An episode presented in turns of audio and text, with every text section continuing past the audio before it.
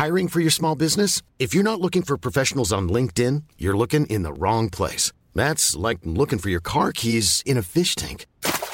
LinkedIn helps you hire professionals you can't find anywhere else, even those who aren't actively searching for a new job but might be open to the perfect role. In a given month, over 70% of LinkedIn users don't even visit other leading job sites. So start looking in the right place. With LinkedIn, you can hire professionals like a professional. Post your free job on linkedin.com slash people today. Burrow's furniture is built for the way you live. From ensuring easy assembly and disassembly to honoring highly requested new colors for their award-winning seating, they always have their customers in mind. Their modular seating is made out of durable materials to last and grow with you. And with Burrow, you always get fast, free shipping. Get up to 60% off during Burrow's Memorial Day sale at burrow.com slash ACAST. That's burrow.com slash ACAST. burrow.com slash ACAST. Wow. Nice. Yeah. What you're hearing are the sounds of people everywhere putting on Bombas socks, underwear, and t-shirts made from absurdly soft materials that feel like plush clouds. Yeah, that plush. And the best part? For every item you purchase, Bombas donates another to someone facing homelessness. Bombas. Big comfort for everyone. Go to bombas.com slash ACAST and use code ACAST for 20% off your first purchase. That's bombas.com slash ACAST. Code ACAST.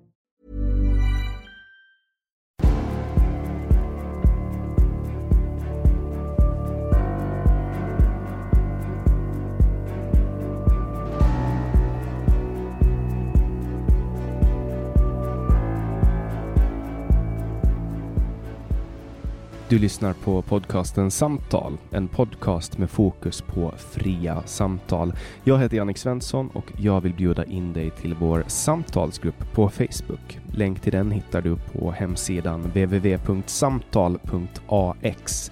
Jag blir också superglad om du vill vara med och hjälpa att stödja det här projektet. Det kan du göra på www.patreon.com samtal eller genom att swisha mig på nummer 070-3522 472. Länkar och nummer hittar du på hemsidan www.samtal.ax. Jag släpper nya samtal varje onsdag året runt och tar tacksamt emot tips ifall det finns någon du vill höra i podden. Idén bakom podden är att fokusera på fria samtal. Vi tror att öppenhet är grunden för det demokratiska samtalet och vill uppmuntra dig som lyssnar att exponera dig för samtal med någon du inte håller med om. Jag heter Jannik Svensson och du lyssnar på podcasten Samtal. Thomas Mattsson är före detta chefredaktör på Expressen och har i mer än tio år varit en av Sveriges mäktigaste mediamän. Idag jobbar han inom Bonnier News med alla deras varumärken. Välkommen hit Thomas! Tack så mycket! Jättekul att ha dig här. Eh, jag har ju under ja, ni, nio år har jag varit journalist och eh, då har ditt och Jan Helins dåvarande jobb då som chefredaktör på de största dagstidningarna varit liksom ni har ju varit de, de som man ville ha som chef, men så blev det ju aldrig. Det är inte för sent än kanske. Vi får hoppas på det. Jag tror att jag är ganska bränd eh, rent mediamässigt. Du vet. Varför då? Eh, nej, men jag blev deplattformerad en gång och, och så. Eh. Jag tror att eh, man kan känna så, men jag tror att det finns väldigt många fler möjligheter än man ibland tror och kanske man ibland känner när man är mitt i det, eller kanske tror att man är mitt i det. Det finns många fler möjligheter tror jag att göra det man vill framöver. Och det finns säkert många fler ställen man kan göra det på än man kanske tror eh, från mm. allra första början. Så jag skulle absolut inte ge upp. Ja, jag har ju gått independent nu och, och startat poddar och det trivs jag ganska bra med. Ja, och det tycker jag är ett enormt fint tillskott på den här, här pluralistiska mediemarknaden. För 10, 15, 20, 30, 50, 100 år sedan hade du inte kunnat göra det. Men nu kan du sitta och intervjua och publicera bara med tillgång till en mobil. Mm. Det är faktiskt häftigt. Alltså att man kan, man kan liksom det är så innehållsstyrt också. Att allting handlar om, om kvaliteten på innehållet. Folk skiter egentligen i hur kvaliteten låter, även om det är bekvämt med bra kvalitet. Jag tycker att man ändå känner att det blir fler välproducerade poddar. Det är fler som har vignetter, jinglar, som spelar upp ljudklipp från tv och radio. Det, på, poddandet professionaliseras med, i takt med att det blir mer pengar i den här branschen. Det kommer fler produktionsbolag, det är fler kända poddare. Hoppas ändå att det samtidigt finns en, alltså en underground podd rörelse också, där folk verkligen slår på mobilen och pratar. Och det blir spontant. Det är ju lite grann av skärmen med Clubhouse. Att det faktiskt är personer som talar rakt ut. Det känns väldigt autentiskt. Mm. Alltså gud, jag har blivit så beroende av, av, Clubhouse. Du var ju med där första gången som jag, när jag förlorade min Clubhouse-oskuld. När var det då? Vilken diskussion var det? Det var den när du hoppade in och pratade med Navid Modiri och Elaine Eksvärd.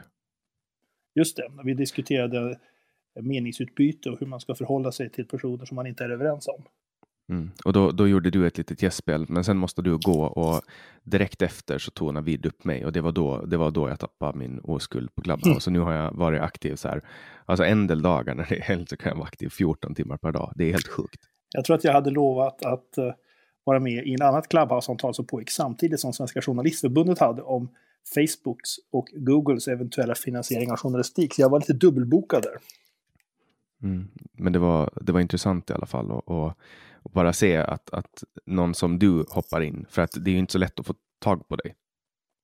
Är det inte det? Jag tycker att jag är väldigt tillgänglig. Jag finns ju på Twitter, Instagram, Facebook. Jag har ett antal mejladresser och telefonnummer. Jag tycker nog att jag är relativt lätt att få kontakt med. Ja, okej, okay. alltså, om man ser det på det sättet. Men, men alltså för att jag, jag har så här, jag har ju velat ha med dig jättelänge i podden, men, men jag vill ändå liksom med en del människor eh, i Sverige, i media-Sverige, så vill man liksom närma sig, helst genom en kontakt eh, som kan voucha för en, för att det är så lätt att man får tag på någon, man får ett nummer, ringer någon och så säger de jo men jag kan ställa upp och sen bara försvinner man i deras mailkorg. Mm. Det händer allt för ofta. Det händer jag jätteofta. Förstår. Jag förstår. Ja, det är ju dåligt av mediechefer om, om, om det fungerar så. Jag har säkert gjort mig skyldig till det någon gång också, men jag försöker vara tillgänglig. Jag brukar svara på mail och Twitter. Jag brukar alltid svara på frågor från skolelever eller journaliststudenter. Det är klart att det finns begränsningar i tid och ibland kanske man blir tillfrågad om sånt som är väldigt omfattande att svara på. Då får det kanske bli lite mer kortfattat, men jag försöker vara tillgänglig i alla fall. Men det är lite lugnare nu när du inte är chefredaktör för en av Sveriges största, eller en av Skandinaviens största tidningar.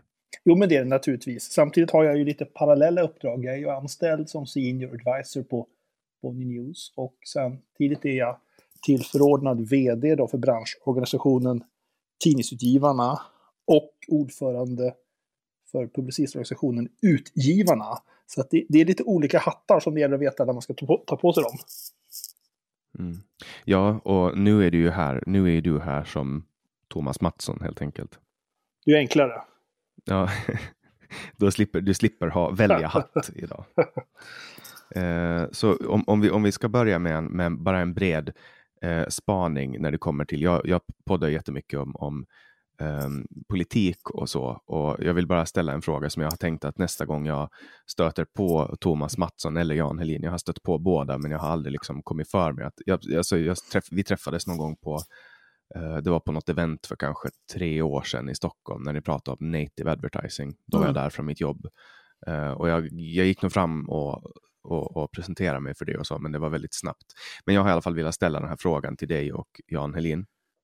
Och det är år 2010 när valet närmar sig i Sverige, riksdagsvalet. Och och man kollektivt valde att ta ställning mot Sverigedemokraterna. Eh, alltså, för, för jag, jag, upplever att det var så, du får gärna eh, rätta mig om jag har fel. Men tror du att det gynnar eller missgynnar Sverigedemokraterna det valet? Jag tror, och då ska jag först säga att det fattas inga kollektiva beslut. Eh, svenska mediebolag emellan, utan varje redaktion fattar sina egna så att säga, publiceringsbeslut eller utifrån sin egen eh, publicistiska idé eller värdegrund.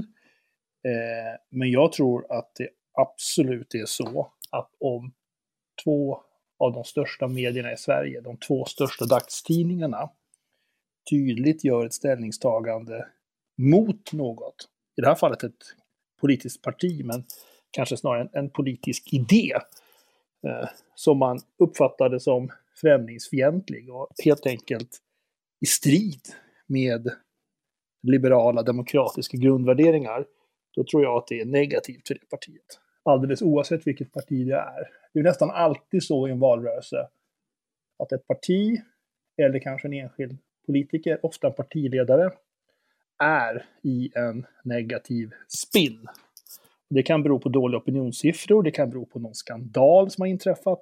före valet. Det kan bero på någon form av känsla av allmänt missnöje. Att nu vill medborgarna, alltså valmanskåren, ha något annat helt enkelt. Det är tid för förändring. Och då är det väldigt svårt, tror jag, liksom att förändra den bilden av sig själv. Om man är den här enskilda förtroendevalda personen eller den här politiska rörelsen. Um, och i fallet Sverigedemokraterna 2010 så var det ett ganska tydligt ställningstagande från ganska så många i samhället. Och det tror jag inte är sprunget ur ett enskilt ställningstagande kring det partiet eller det årtalet, utan det grundar sig egentligen i, i tidningarnas ideologiska bas. Att det är en socialdemokratisk tidning, Aftonbladet, en liberal tidning, Expressen, eh, och att göra ställningstagande för så att säga, demokratiska, eh, liberala eh, åsiktsuppfattningar eh, ligger ganska nära de publikationerna. Och i den andra ändan av den värderingsskalan finns då allehanda ytterlighetsrörelser som kan finnas till både till vänster och till höger, men rörelser som inte präglas av inkluderande värderingar. Så att jag, tror, jag tror inte man ska säga, överdramatisera det beslutet, men det blev ju mer uppmärksammat därför att eh, Sverigedemokraterna var en, i det här fallet Sverigedemokraterna skulle säga, var en större politisk rörelse än de hade varit tidigare. Mm. För, för min upplevelse då, jag tror att jag var kanske, vad var jag 2010? Jag tror jag var 17 eller något sånt. Uh, och jag är 16-17 och jag kände så här, det var ganska tidigt så jag började engagera mig inom politiken när jag kanske var 15, 14-15. Och, och då kände jag bara, min magkänsla var bara så här, det är inte bra att, att man ger dem den här offerkoftan. Därför att det kommer att göra att de ser ut som offer och problemet med offerkoftor är att folk gillar dem. Uh, folk gillar underdogs och jag kände då som nu att det här gav dem mer uppmärksamhet än vad de förtjänar. Ja, där kan man ju diskutera. Det är viktigt att vara tydlig här med att de ställningstaganden som görs, de görs ju på ledarsidan. Det är inte så att nyhetsjournalistiken i tidningen präglas av ställningstagande, vare sig för eller emot något politiskt parti. Då finns det ju rätt omfattande forskning också som visar att de stora dagstidningarna, oavsett politisk färg, på så att säga sidan två, eh, återspeglar inte den hållningen i sin så, nyhetsjournalistik. Eh, så det är viktigt att vara tydlig med att det, det är inte så att bara för att en tidning tar ställning emot något så påverkar inte det själva nyhetsvärderingen och nyhetsrapporteringen. Samtidigt tror jag att det är sådär att en tidning, framförallt i Sverige då, där tidningarna ju ofta har en ganska så säga, ideologisk historia. Många tidningar har ju en gång i tiden startats av fackföreningsrörelser, politiska eh, föreningar, partier en gång i tiden så var det ju riksdagsledamöter eller borgmästare som, som ägde eller till och med var chefredaktörer för, för många tidningar. Så är det ju inte idag. Journalistiken är professionaliserad sedan ett antal decennier tillbaka. Men vi har ju tyckt i Sverige att det är väldigt viktigt att vi bevarar den här politiska mångfalden. Vi införskaffade ju ett system 1965 som vi kallar för pressstödssystemet och vi fick ett driftsstödssystem 1971 som ju på den tiden eh, syftade till att eh, försvara bland annat socialdemokratiska och centerpartistiska tidningar som var ganska hårt konkurrensutsatta. Och man kan diskutera om det systemet har tjänat eh, journalistiken väl eller inte. Eh, men vi har ändå en tradition i Sverige av att vi skiljer på, på news and views och vi tycker att det är bra att tidningar eh, tar ställning i sin opinionsbildning. Till skillnad då från till exempel etermedier som ju inte gör det. Mm. Men, men man kan ändå, tycker jag, uppleva ganska starka skillnader i hur olika redaktioner prioriterar. Till exempel, nu tar jag ett, ett småskaligt exempel. På, på Åland har vi två tidningar, Ålandstidningen och eh, Nya Åland. Och Nya Åland anklagas jätteofta för att vara socialdemokratiska och nu eh, eh, alltså typ klimataktivistiska och så vidare. Och man ser ganska lätt och tydligt för att de kommer, de använder samma leverantör av e-tidningsappar. Så man ser varje dag deras pushar, för de kommer bredvid varandra. Och då tycker jag att det är ganska lätt att se hur de prioriterar och vem, lite på Galtan-skalan, hur de tänker. Ja, men är du eh. säker? Det är ju samma ägare till de tidningarna till att börja med. Men är mm, du... Ja, inte riktigt. Ja, nästan. Um, ja. Men, ja, men... Alltså vi, ja, alltså Anders Wiklöf äger ju Um, han, han, äger ju, ja, andelar i båda tidningarna, men de har ju ingen påverkan. Han har Nej. ingen påverkan på redaktionen. Nej, och det var inte det jag menade heller, utan jag, vad jag mm. egentligen ville exemplifiera med det var att om man tror att en tidning har en specifik hållning eh, och att det återspeglar också nyhetsjournalistiken så tycker jag att om det finns så att säga, ett ägande i båda tidningarna, men de har olika profil i sin nyhetsbevakning till exempel, då tycker jag då är det ett exempel på att ägandet kanske inte har någon koppling till innehållet. Det finns ju nämligen många som påstår det och tror det, ska jag säga. Det finns de som tror att public service är vänstervridet därför att Socialdemokraterna har styrt Sverige länge. Eller att den ena eller andra tidningen skulle ha en viss hållning på nyhetsplats bara för att de har en ägarbild, eller en historisk ägarbild. Men det kan ju också vara så att nyhetsvärdering, nyhetsrapportering skiljer sig åt därför att tidningen har olika målgrupper, därför att tidningen har olika historia, tidningen har kanske olika kompetenser på redaktionen. Det kanske finns um, olika publicistiska idéer. Det finns ju en miljard, för att inte säga hundra miljarder frågor man kan skriva om. Eh, så att man kan ju välja väldigt mycket saker att rapportera om utan att det för den delen eh, behöver eller kan sättas in på en antingen höger, vänster eller en Galtan-skala, tänker jag. Mm. Nej, men som till exempel eh, Nya Åland gick ut och, och, gjorde som, var det typ, var det New York Times som eh, ändrade sitt, sitt språk när de rapporterade om klimatkrisen. Eh, de gjorde något statement, typ att idag ändrar vi sättet vi eh, kommenterar klimatkrisen och använder oss av andra ord. Typ. Och det gjorde också Nya Åland och de har ofta eh, helt andra infallsvinklar på just det här med klimatkris eh, än vad till exempel Ålandstidningen har. Och de tar ofta, eh, det är bara vad jag upplever, men de tar ganska ofta ett, en annan take på saker och ting. Och det verkar vara en kultur som finns på redaktionen snarare än att, att de har någon form av styrdokument som säger att vi ska göra på det här sättet.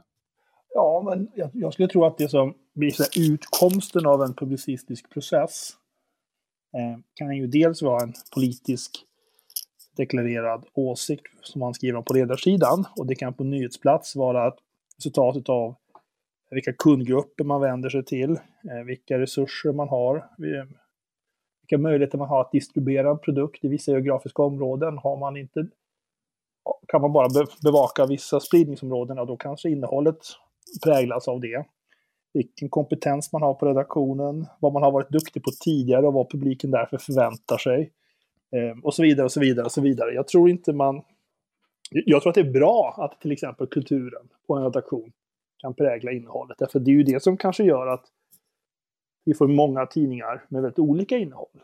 Det finns ju de som tycker att det är ett problem idag att journalistiken har professionaliserats så mycket att eh, det är väldigt ett likartad nyhetsvärdering. Idag är det vanligare, påstår jag, att de stora medierna, och det gäller inte bara tidningar, det gäller tidningar och tv-kanaler, gör en nyhetsvärdering som överensstämmer mer med varandra.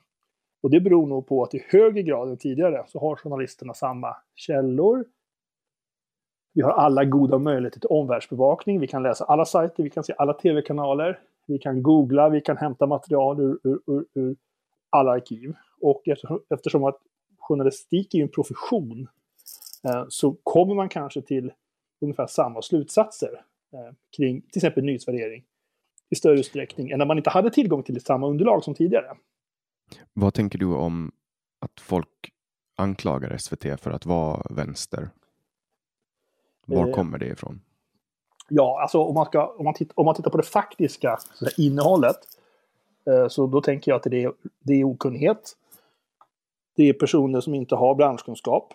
Det är personer som inte jobbar professionellt med journalistik. Det är personer som inte förstår de så att säga, publicistiska mekanismer som styr innehåll. Det är liksom min professionella eh, uppfattning. Sen förstår jag att den är sprungen ur en historik eh, av att televisionen eh, startade på ungefär 50-talet i Sverige. Den växte på 60-talet och det finns en ganska bred uppfattning, men den förefaller ju av de som var med på den tiden var ganska bekräftad. att när man till exempel startade TV2 så var det i en tid då det var väldigt starka vänsterströmningar. Det finns ju ett skämtsamt talesätt som säger att det var ett helt första maj-tåg som bara fortsatte att promenera. Och så gick de rakt in på TV-huset och startade en kanal. Det var ju liksom före din och min tid som mediekonsumenter. Men den där typen av uppfattningar kan nog sitta i. Jag såg en undersökning häromdagen där det påstods att Aftonbladet, tidningen Aftonbladet hade en journalistik som var liksom vänsterpräglad. Och det kan jag då som har varit konkurrent till Aftonbladet i över två decennier och som verkligen har studerat Aftonbladets innehåll, tror jag mycket närmare än väldigt många andra, konstatera att det stämmer inte. Däremot så är det så att det finns en viss nyhetsvärdering som kan skilja Aftonbladet från till exempel Expressen. Aftonbladet bevakar i högre utsträckning frågor som kanske kan handla om säg barnbidrag, a-kassa, den, den typen av frågor. Medan Expressen kanske i högre utsträckning bevakar frågor som kan handla om ja, säg aktiesparande, företagande, storbolag. Men det är ju inte så att säga ett ideologiskt ställningstagande utan det präglar kanske tidningarnas historik och målgrupper snarare. Och ungefär så tolkar jag de här påståendena om vänstervridning av public service. Och de bilderna förstärks ju ofta på grund av att det sker naturligtvis så mycket publiceringar. Så att det ibland sker misstag, alltså dåligt hantverk. Och det sker i alla medier. Men mitt intryck är att när det sker i public service, när man till exempel gör en enkät, ställer en fråga på gatan om en politisk fråga och så svarar en person, presenteras med namn, kanske ålder. Och sen så visar det sig att den här personen var inte vem som helst, utan det här var ett, säg ett fackligt ombud eller en politiskt engagerad person på vänsterkanten. Då framställs det ungefär som att Sveriges Television medvetet vill låta vänstermänniskor komma till tals. Medan det i själva verket bara handlar om dålig research. Och du kan säkert hitta liknande, motsvarande exempel i andra medieformer. Men det, blir, det får liksom en politisk sprängkraft när det handlar om public service. Och så ungefär uppfattar jag den kritiken. Mm. Det finns ju många exempel som har gått till historien som, alltså, jag vet inte om du har sett den här intervjun med Peter Ravet eh, när han är och bevakar Donald Trumps inauguration. Nej, men jag, jag, alltså tv sänder ju dygnet runt och har ju inte sänt dygnet runt sedan 1950-talet. Men, men det, det, produceras ju så otroligt mycket innehåll. En stor tidning publicerar ju flera hundra artiklar per dag på en enda tidning. Och till det har vi då alla poster i sociala medier, all live-tv. Så att, att så att säga bilda sig sin uppfattning av tror jag, medier utifrån så att säga, enstaka publiceringar eller felsägningar eller misstag som har gjorts. Ehm, det, det, tror inte jag är så att säga, en bra bas för en sorts sund, seriös utvärdering av innehållet i, i, i mediet i fråga. Utan jag tror man måste liksom komma lite bortom den typen av enstaka exempel. För sådana kan vi hitta i vilken publikation som helst. Det är ju fler rättelser i New York Times än genomsnittlig dag. Och det kanske är världens mest aktade tidning än det är i många svenska tidningar. Och det beror kanske på att de har högre ambition i sin rättelsespalt och att de publicerar väldigt mycket mer innehåll. Men man kan liksom inte av det dra slutsatsen att de gör en dålig tidning, tänker jag. Mm. Jag tänker i just det här fallet så är det ganska tydligt att han är, han är trött, han är jetlaggad eh, och, och, så, men att det lyser igenom ganska mycket synen som han som journalist har på det som händer och hur, alltså det lyser igenom så mycket hur man i Sverige uppfattar USA, eller uppfattade USA på den tiden. Och sen kommer dit och så, och så är det så annorlunda i verkligheten. Alltså alla som röstar på Donald Trump är inte um, behornade nazister som, som man lätt har trott i Sverige av den här demoniseringen. Nej, såklart. Det är klart att, att inte alla är det. Men jag, jag tänker att det jobbar 800 journalister på Sveriges Television och de är ytterligare några hundra under ett år om man räknar in vikarier och inhoppare ersättare och kanske ännu ytterligare några hundra om man räknar in frilansare och, och stringers. Eh, och jag tycker man att, att liksom värdera en tv-kanal utifrån en enskild medarbetares insats vid något tillfälle. Det blir lite grann som att värdera en tidning efter en krönika som man har, har läst och inte håller med om, eller som man tycker är knäpp. Ibland på goda grunder. Men det säger liksom ingenting. Det är inte riktigt så man kan utvärdera publicistiken. Mm. Nej, jag, jag, förstår, jag förstår din, eh, eh, alltså jag förstår din kritik av, av just eh, det påståendet, men, men det, det jag menar är inte att, att hänga ut en enskild journalist eller döma hela SVT på, på basen av eh, ett uttalande. Jag bara tänker mer den här kulturkrocken som uppstår i live-tv eh, när det går upp för, för den här personen då att, eh, att det inte är som, som han tänker. Nej, men jag eh. tänker så här att, att eh, 800 journalister låter ju som väldigt mycket. Och det är väldigt mycket såklart, men väldigt många av dem bevakar ju svenska förhållanden. Och så har man ju ändå jämfört ett ganska litet antal medarbetare som bevakar eh, utrikesfrågor. Och några få av dem bevakar under en valrörelse i USA. Eh, och det är liksom en kontinent som inte går att bevaka heltäckande oavsett om du heter CNN eller Fox News eller Washington Post eller AP. Och då är AP ändå världens största nyhetsbyrå. Och det är klart att när man luftlandsätter ett par svenska korrespondenter från ett svenskt media så är det klart att de efter bästa förmåga gör så gott de kan. Men de kommer inte ha de möjligheterna att i varje enskilt tillfälle kunna ha den överblicken. Och då kan man ändå anta att de har bättre förutsättningar när de, när de arbetar i USA på grund av kulturella likheter, på grund av att de pratar språket och så vidare. Eh, det finns nog andra bevakningsområden där svenska journalister, dit svenska journalister kommer, där man har ännu större utmaningar att förstå. Men det betyder inte att man kan tolka in någonting, tycker jag. Man kan möjligen av det dra slutsatsen att journalistiken har för lite resurser. Eh, och att vi borde ha fler utrikeskorrespondenter. Men det faller då liksom tillbaka på de medborgare som kritiserar journalistiken. Man skulle kunna fråga dem så här, är du beredd att betala en tv-licensavgift eller en tv-skatt som det är idag, som är säg fem gånger högre? Du betalar inte 1500 kronor, du får betala 5000 eller 10 000. Eller tycker du att en kvällstidning ska kosta 100 kronor istället för 30 kronor? Skulle den göra det och alla betalar det, ja då skulle naturligtvis journalistiken ha bättre möjligheter. Det blir lite grann som att kritisera polisen eller, eller, eller sjukvården, när man vill ändå inte betala mer skatt. Och sen finns det naturligtvis andra möjligheter att effektivisera verksamheten, det förstår jag med. Men lite faller det tillbaka på att, så att säga, kunden eller publiken eller medborgaren eh, får också den leverans av politik eller samhällstjänster, eller välfärd kan vi kalla det för, eller för den delen journalistik, som den efterfrågar för att den är beredd att betala för det. Så att mm.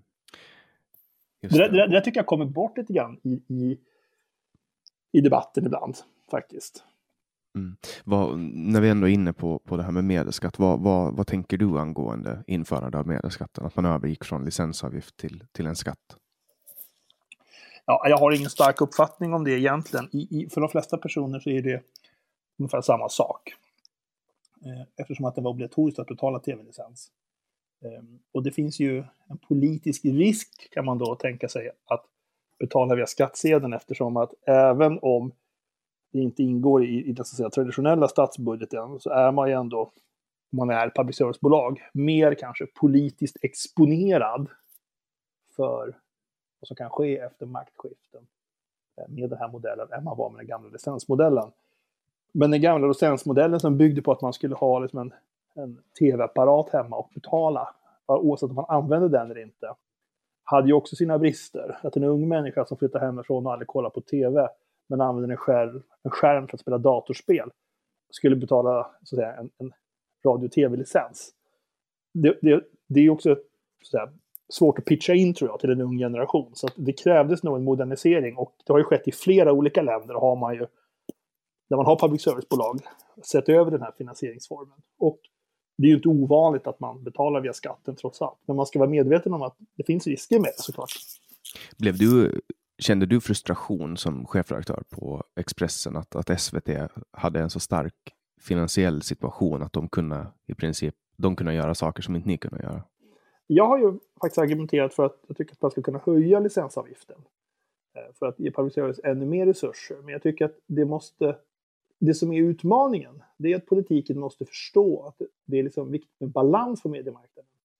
Och att om man värnar ett starkt public service, om man, om man vill finansiera public service med 8,6 miljarder kronor, eller vad det är just nu, då är det också viktigt att man sätter de pengarna i relation till det stöd som man ger till de kommersiella medierna. För att det får ju naturligtvis en marknadspåverkan. Om det finns tre bolag som har sin finansiering tryggad, och som dessutom får en årlig uppräkning med ett par procentenheter. Så oavsett vad som händer så får man ändå mer pengar varje år. Eh, då är det klart att det påverkar ju balansen på mediemarknaden. Och där tänker jag att det är viktigt att politiken är lyhörd för det. Och det måste jag säga att jag tycker att politiken i större utsträckning är. Så det här är ingen klagosång. Men det har kanske inte alltid varit så. Och, det tror jag är viktigt att komma ihåg. Att det är liksom viktigt att vi har också kommersiella medier, till exempel lokaltidningar. Och att de finns i hela landet. Och det, och det vill man ju helst ska bära sig själv. Det är inte så att tidningarna vill att man ska vara skattefinansierad. Men vi är i en transformativ tid där det är svårt att finansiera eh, journalistik i hela landet utan visst statligt stöd. Och eftersom att journalistik är en samhällsviktig verksamhet så måste också samhället vara med och betala för det. På samma sätt som mm. samhället kan betala för färjeförbindelse till Gotland eller flygförbindelse till avlägsna orter eller andra saker som också är samhällsviktiga. Men vi klarar ju oss i Finland utan mediestöd. Ja, men det kanske är lite olika förutsättningar också. Det är ju inte alls givet att man kan göra den jämförelsen rakt av. Man skulle kunna till exempel säga att historiskt sett så har vi haft fler lokala tidningar i Sverige och vi kanske har starkare lokala tidningar eh, än vad man har i vissa delar av Finland. Och i vissa, det är ju som en tvåspråkig marknad. Eh, så att jag, jag, tror inte riktigt att man kan jämföra på det sättet. De, de olika nordiska länderna har ju olika former av, av mediestöd. Mm. Eh, Men jag, jag, jag tänker att alltså, vi har ju aldrig haft det från början. Det är samma som, det här exemplet tar jag ganska ofta, men vi har ju ett frivilligt brandförsvar. Så att när det börjar brinna någonstans så plingar det i frivilliga brandmäns telefoner och så åker de till brandstationen uh, och, och, så hoppar de in i en brandbil och så kör de dit och släcker elden. Alltså det, och, och samma med sjöräddning. Vi har, vi har frivillig sjöräddning. Och det är sånt som har liksom frivilligheten har funnits där från början och så har den bara fortsatt. Men jag tänker att om man börjar, alltså om man avvecklar frivilliga brandkårer och börjar bara ha kommunala brandstationer, då kommer ju, då kommer ju alltså frivilligheten att avta och försvinna. Och det är lite samma, alltså i Finland så finns det till exempel Huvudstadsbladet som finansieras av Konstsamfundet och det är en stiftelse. Det, det är ett, eh, ja, finlandssvenska eh, författare och eh, kulturpersonligheter och så vidare har testamenterat sin förmögenhet Eh, och så fondförvaltar de och köper och upprätthåller olika former av, eh, alltså de har fastigheter som de hyr ut och avkastningen så, så skänker de bort i olika stöd till, eh, till, svensk kultur och där får Huvudstadsbladet väldigt mycket pengar. Eh, och, och, det är en lösning som, som är helt privat eh, finansierad. Att, att om det inte finns ett mediastöd så, så skapas det stiftelser och så vidare som, som gör det. Är inte det en möjlighet för Sverige också? Jag tänker att om man tar bort mediastödet så kanske folk som tycker att det är viktigt och har väldigt mycket pengar börjar göra som i Finland, att man skapar stiftelser. Ah, jag vet inte, det här, jag tycker att det är lite olika förutsättningar här. Att Huvudstadsbladet är ju en eh, också en, en, en kulturinstitution, en, en, så att säga, vad ska jag säga, en, en historisk bastion för det svenska språket på ett sätt som jag tror att det kanske vore, det engagemanget för en enskild titel tror jag kanske vore svårt att uppbringa i Sverige. Eh, eftersom att den utgår från ett värnande av ett av minoritetsspråk, tänker jag.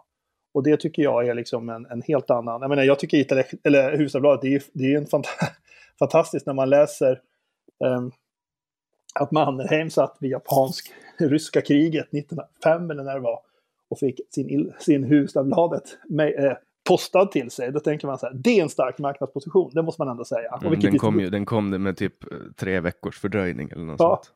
Vilket distributionsnät.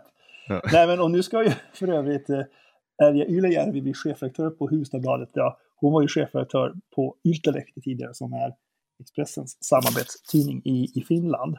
Men vad jag menar är egentligen så här att jag tänker att sjöräddningen är ju frivillig också i Sverige. Med, en, med visst stöd av försvar och polis. Eh, och jag föreställer mig att sjöbevakningen i Finland också griper in vid behov. Och det finns ju inslag av, av frivilligbrandkårer, deltidsbrandmän kallar vi dem för i Sverige också. Men jag tror ändå inte riktigt man kan jämföra systemen. Jag tror att på en marknad som, som den svenska så har det ändå varit så att den har präglats av ett ganska så att säga, pluralistiskt medieägande. Och idag har vi, vi har stiftelser, vi har familjeägda tidningar, vi har börsbolag som äger tidningar, eh, vi har mecenater som äger tidningar, vi har tidningar som finansieras av donationer, vi har tidningar som fortfarande delvis kontrolleras av, av eller delägs i alla fall, av, av politiska rörelser. Men det är liksom en konkurrensutsatt marknad som dessutom är satt i svår transformation. Och när urbaniseringen trädde in på ordentligt på 50 och 60-talet och vissa tidningar hade svårt att, att, med sin finansiering, då ville ju det politiska systemet försvara möjligheten till att ha två tidningar på samma ort. Det var ju så egentligen systemet började. Eh, och det finns ju många länder i världen där man inte har någon tidning på mindre orter. Och på många länder har man kanske en tidning. Men det svenska systemet skapades för att bevara mångfald för att ha två tidningar. Och då kan man fundera vad det är bra eller dåligt. Och det är klart att det finns mekanismer i de här stödsystemen som kanske inte har främjat produktutveckling och som kanske till och med har bevarat ett fokus på print när kanske medierna borde fokuserat ännu mer på det digitala. Men tittar man på mediekonsumtionen i Sverige, tittar man på konsumtionen av tryckta tidningar så är den ändå exceptionellt hög i en internationell jämförelse. Och samtidigt är svenska tidningar, kanske tillsammans med de norska, de mest digitaliserade i världen. Så jag tycker nog ändå, och vi har ett starkt public service och vi har ett starkt kommersiell tv. Eh, med TV4 som har en väldigt stark position i Sverige, med Nent via Play som har en internationellt stark position till och med. Jag tycker nog ändå att vi har en ganska stark mediesektor och då tror jag att, att mediestöden, alltså den offentliga finansieringen av medierna, har bidragit till det. Sen kan man diskutera konstruktionen av dem eh, och så, men jag, jag, tror att i huvudsak har de tjänat Sverige väl. Mm. Alltså, tänker du, tänker du att, att, det här är, att SVT och Sveriges Radio kan ha en viss undanträngande effekt på marknaden? Ja, det är alldeles uppenbart att de har det. Och det är, det är därför som man pratar om balansen på mediemarknaden. Och i de senaste sändningstillstånden så står det rent ut att public service-bolagen ska beakta sin särskilda ställning och sin, givet sin särskilda finansiering innan man lanserar nya tjänster. Politiken har liksom gett public service i uppdrag att tänka sig för när man gör sina, bedriver sina verksamheter så att man inte i alltför stor grad riskerar att tränga bort självständiga, alltså privata, kommersiella, fria medier. Och det är ju liksom, om någon trycker in 8,6 miljarder kronor på en mediemarknad och anställer över tusen journalister totalt sett, så det är klart att det kommer påverka möjligheterna för andra att bedriva verksamhet. Men det betyder inte att man inte ska ha public service. Jag tror att det är jätteviktigt med public service. Men man måste vara medveten om att om public service gör till exempel nyhetssajter som är gratis, som i stor utsträckning har samma innehåll, som de nyhetssajter som kostar pengar att konsumera. Så det är klart att det är lite svårare för dem som tar betalt. Eh, om det finns en gratisprodukt som är nästan lika bra i alla fall, samtidigt. Jag kan ju bli lite frustrerad på Sveriges Radio P3 som producerar jättemycket poddar. När jag som eh, självständig poddproducent får liksom slita medan de bara du vet, går på jobb och så har de någon någon producent som producerar inslagen, någon som skriver manus, någon som klipper, någon som publicerar och det enda de behöver göra är att sitta där och liksom alltså, och ha hur mycket pengar som helst. Det blir på något sätt. Mm, jag kan, det är ju ett exempel på där de ruckar marknaden. Men om man skulle vända på det, om jag hade jobbat på public service, då skulle jag anfört ett annat argument också. Att om det vore så att alla poddar gjordes av public service och att ingen annan kunde producera podd, därför att man dominerar marknaden så fullständigt, då är det ett problem. För mig som konsument förefaller ändå poddmarknaden vara ganska pluralistisk. Det finns ganska många produktionsbolag och ganska många andra poddar som inte görs av public service. Och det public service bidrar med, tror jag ofta, det är ju att de i kraft av sina resurser och sin långsiktighet kan höja kvaliteten. Jag tror till exempel att SVT Play, som ju var en tidig playtjänst, den och brittiska BBCs iPlayer kom väl ungefär samtidigt. Eh, och jag tror att SVT Play har varit med och sätta inte bara en svensk standard utan kanske till och med varit med och gjort, skapat en tidig världsstandard för en kvalitativ playtjänst som alltid fungerar med skarp bild som finns på olika plattformar. Nu idag finns det ju naturligtvis många fler aktörer som konkurrerar med SVT Play. Men så var det ju inte för ett antal år sedan. Och det har, där tror jag man har ett exempel på där public service bidrar till att utveckla någonting. Mm. Tycker du att uh, SVT Play och Sveriges Radio borde redovisa siffror på antal streams de får på sina olika program.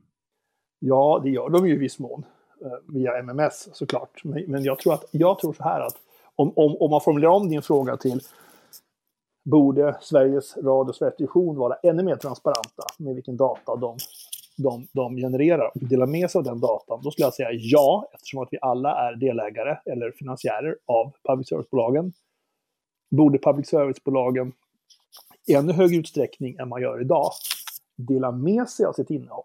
Svarar jag ja på det med. Och då skulle kanske public service säga att vi gör det. Det är fritt fram att embedda innehållet om man skulle vilja det. Mitt svar skulle vara att innehållet kanske skulle vara tillgängligt för till exempel tidningar att eh, publicera även i tidningarnas egna, säg webb-tv-spelare. Så är fallet i Norge. Och norska NRK är ju ett minst lika seriöst Nu, nu fick du lite med mikrofonen tror jag. Ja, förlåt. Jag tror att man kan tillgängliggöra mer data och mer innehåll från public service. Mm. Jag, jag tänker ju att det är ganska rimligt att ha att man visar den här har 70 000 spelningar, det här klippet eller det här inslaget. Eh, och på det sättet så kan man lite lättare välja vad man vill se, vad som är liksom i, i pipen, så att säga. Man vet vad, alltså man får se vad som trendar och så vidare. Nu väljer ju SVT att inte visa de här siffrorna och det, det tycker jag, det, det är också lite så här, varför gör de det? För jag kan tänka mig att om, om de skulle ha imponerande siffror så tror jag nog att de skulle visa det, siffrorna. Men, eh, men de, de redovisas ju i EBMS. Jo, men inte ensk- enskilda inslag. Nej, det är möjligt. Och, men det gör ju inte tidningar heller, ska vi säga. Enskilda inslag på, på samma sätt. Men det, det, det är klart att jag tror att för, för, för branschen så kan man nog dra slutsatser utifrån den tillgängliga statistiken som finns, utifrån data från sociala medieplattformar, MMS, utifrån vad man ser blir återkommande publiceringar hos en specifikt media. kan man dra slutsatsen att det här är säkert många som tittar på, för de har gjort ungefär det här innehållet flera gånger. Mm. Men typ en Henrik Jönsson-video på YouTube så kan du ju se på ett ungefär hur många som har sett. Ja, enligt den statistiken i alla fall. Absolut. Och skulle SVT lägga ut motsvarande video på YouTube skulle man se det också. Men där har ju politiken och public service-bolagens konkurrenter varit tydliga med att man inte önskar att public service-bolagen ska finnas på sociala medieplattformar i den omfattning som man kanske var där tidigare. Och vad, vad, vad kan det ha att göra med då? Ja, det kan De till, till exempel Tjäna pengar på det. Ja, men det kan ju till exempel ha att göra med att om Sveriges Television skulle lägga upp många populära, vi tar det som ett exempel bara, om man skulle lägga upp väldigt mycket populärt innehåll på YouTube så genererar det ju användardata till YouTube, använda för dem, alltså data från de som har konsumerat de här SVT-klippen. Och den datan använder ju eh, Googles algoritmer för att eh, på något sätt eh, förutse ungefär vilka som vill titta på vad. Och det vässar ju då Google och YouTubes annonsaffär, vilket ju blir en konkurrensnackdel för de medier som konkurrerar med Googles annonsaffär, till exempel. Ett annat exempel kan ju vara att eh, eh Sveriges Television, om det nu fortfarande har dem som ett exempel, om de sprider innehåll som är väldigt konkurrenskraftigt på YouTube, och då kanske unga tittare väljer att konsumera YouTube istället för att man konsumerar eh, Eh, Sundsvalls Tidning eller, eller Göteborgs-Posten till exempel. Så att det finns ju flera aspekter på det där. Och då kan man ju fundera kring om SVT, till exempel, och det här är fortfarande bara ett exempel, men om SVT tycker att det är nödvändigt att sprida sitt innehåll i en tv-spelare som inte är SVTs egen. Om man vill göra det för att man vill nå ut med sitt innehåll, varför ska man då ge det innehållet eh, till ett amerikanskt börsbolag, alltså en global techplattform? Då skulle man lika gärna kunna låta svenska tidningar få ladda upp det här innehållet. Då kan det lika gärna ligga på Aftonbladet eller på, på Västerbottens-Kurirens hemsida. Jag får ju inte kolla på det när jag är hemma på Åland. Så får inte jag kolla på SVT. Det är geoblockat. Mm. Och det, Och jag det, pra- pratar ju bara svenska. ja. Men det har ju kanske med andra skäl att göra, utan det har ju tidigare funnits överenskommelser mellan de, de nordiska public service-bolagen om om hur man tillgängliggör material över, landsgränser. Och det, det är ju rättighetsfrågor och det är upphovsrättsöverenskommelser. Det, det är kanske en annan problematik än den som jag beskriver kring YouTube, tänker jag. Mm. Ja, men jag tänker ändå att det är ju för alla utlandssvenskar, alltså svenskar som bor i utlandet, så är det ju lite, det gör det lite svårare för dem att hänga med hemma. Ja, då får man ta del av SVTs utlandstjänst då såklart. Men visst, så är det naturligtvis. Och man skulle naturligtvis önska att det vore tillgängligt överallt. Ehm, och det finns ju vissa regler som, som inom EU som, som reglerar hur man får använda till exempel strömningstjänster när man är i andra territorier. Ehm, men det skulle ju en, en, en totalt fri tillgång eh, inom de nordiska länderna av allt public service-innehåll eh, skulle ju kräva en, en helt annan form av samordning och nästan en gemensam ekonomi av de, av de nordiska public service-bolagen tror jag. Och det, det, den, eh, det, det blir nog bara svårare ju mer menar, innehåll. allting som SVT producerar borde man ju kunna sända fritt för hela världen. Ja, förutsatt att man har de rättigheterna kla- klarerade då med, eh, med de som är upphovsmännen till exempel. Och kanske... För jag, jag förstår ju liksom att om, om man köper in något inslag av en frilansare, att de kanske skriver in att ja, det här ska vara tillgängligt i Sverige. Men det som SVT producerar själva, vilket är väldigt mycket, Mm. Det borde man ju kunna bara skicka ut. Men det fanns ju tidigare en överenskommelse mellan de nordiska länderna att man kunde se varandras se TV. Men den gäller väl inte längre. Om man minns rätt så försvann den för ett antal år sedan. Och det, jag kan inte bakgrunden till det. Men, men, det finns ju säkert en förklaring. Det är ju inte så att SVT inte vill att man ska titta på SVT. Utan det här är säkert en relation som man har haft, kanske med Yle i det här fallet, och en diskussion. Men, men jag är nog inte den som kan svara på den frågan. Mm. Nej, vi har ju ganska svårt, vi har ganska mycket problem i och med att vi har en egen toppdomän på Åland. Så alla ålänningar märker att vi är ålänningar när vi ska kolla på online-tjänster eller beställa saker.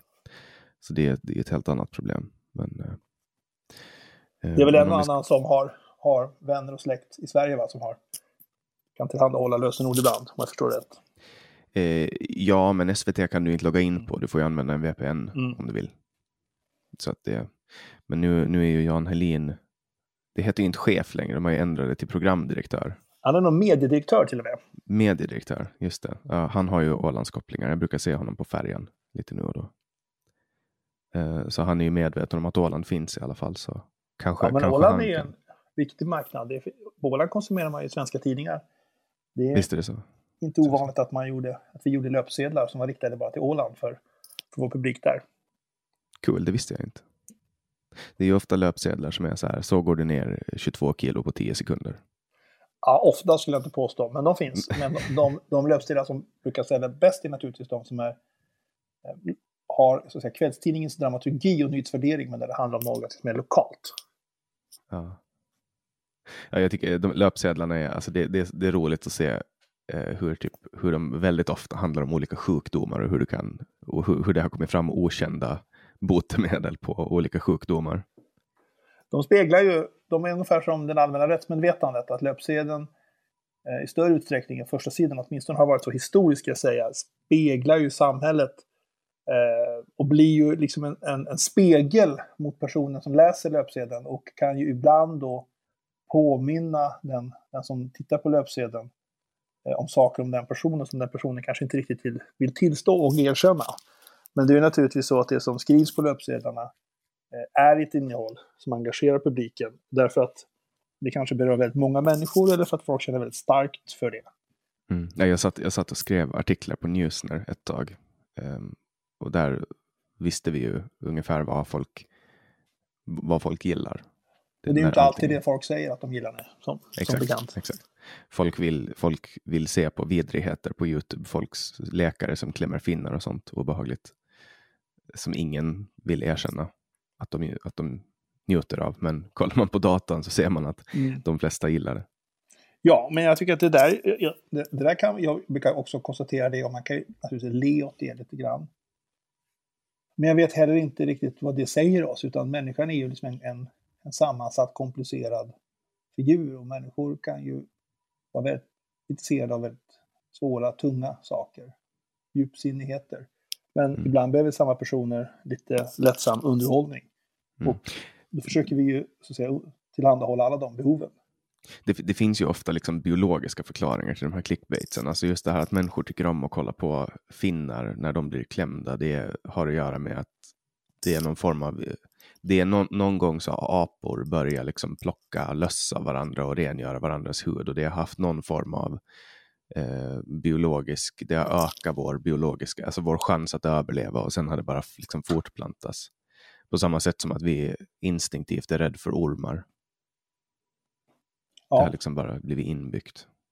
Det är möjligt att det är så. Jag, jag tror att eh, eh, jag tror att en tidning är ju lite grann som en tv-tablå brukar jag säga ibland. Att den innehåller liksom både Uppdrag granskning, ja, Melodifestivalen, eller både Kalla fakta och Idol. På samma sätt så, så innehåller en tidning det.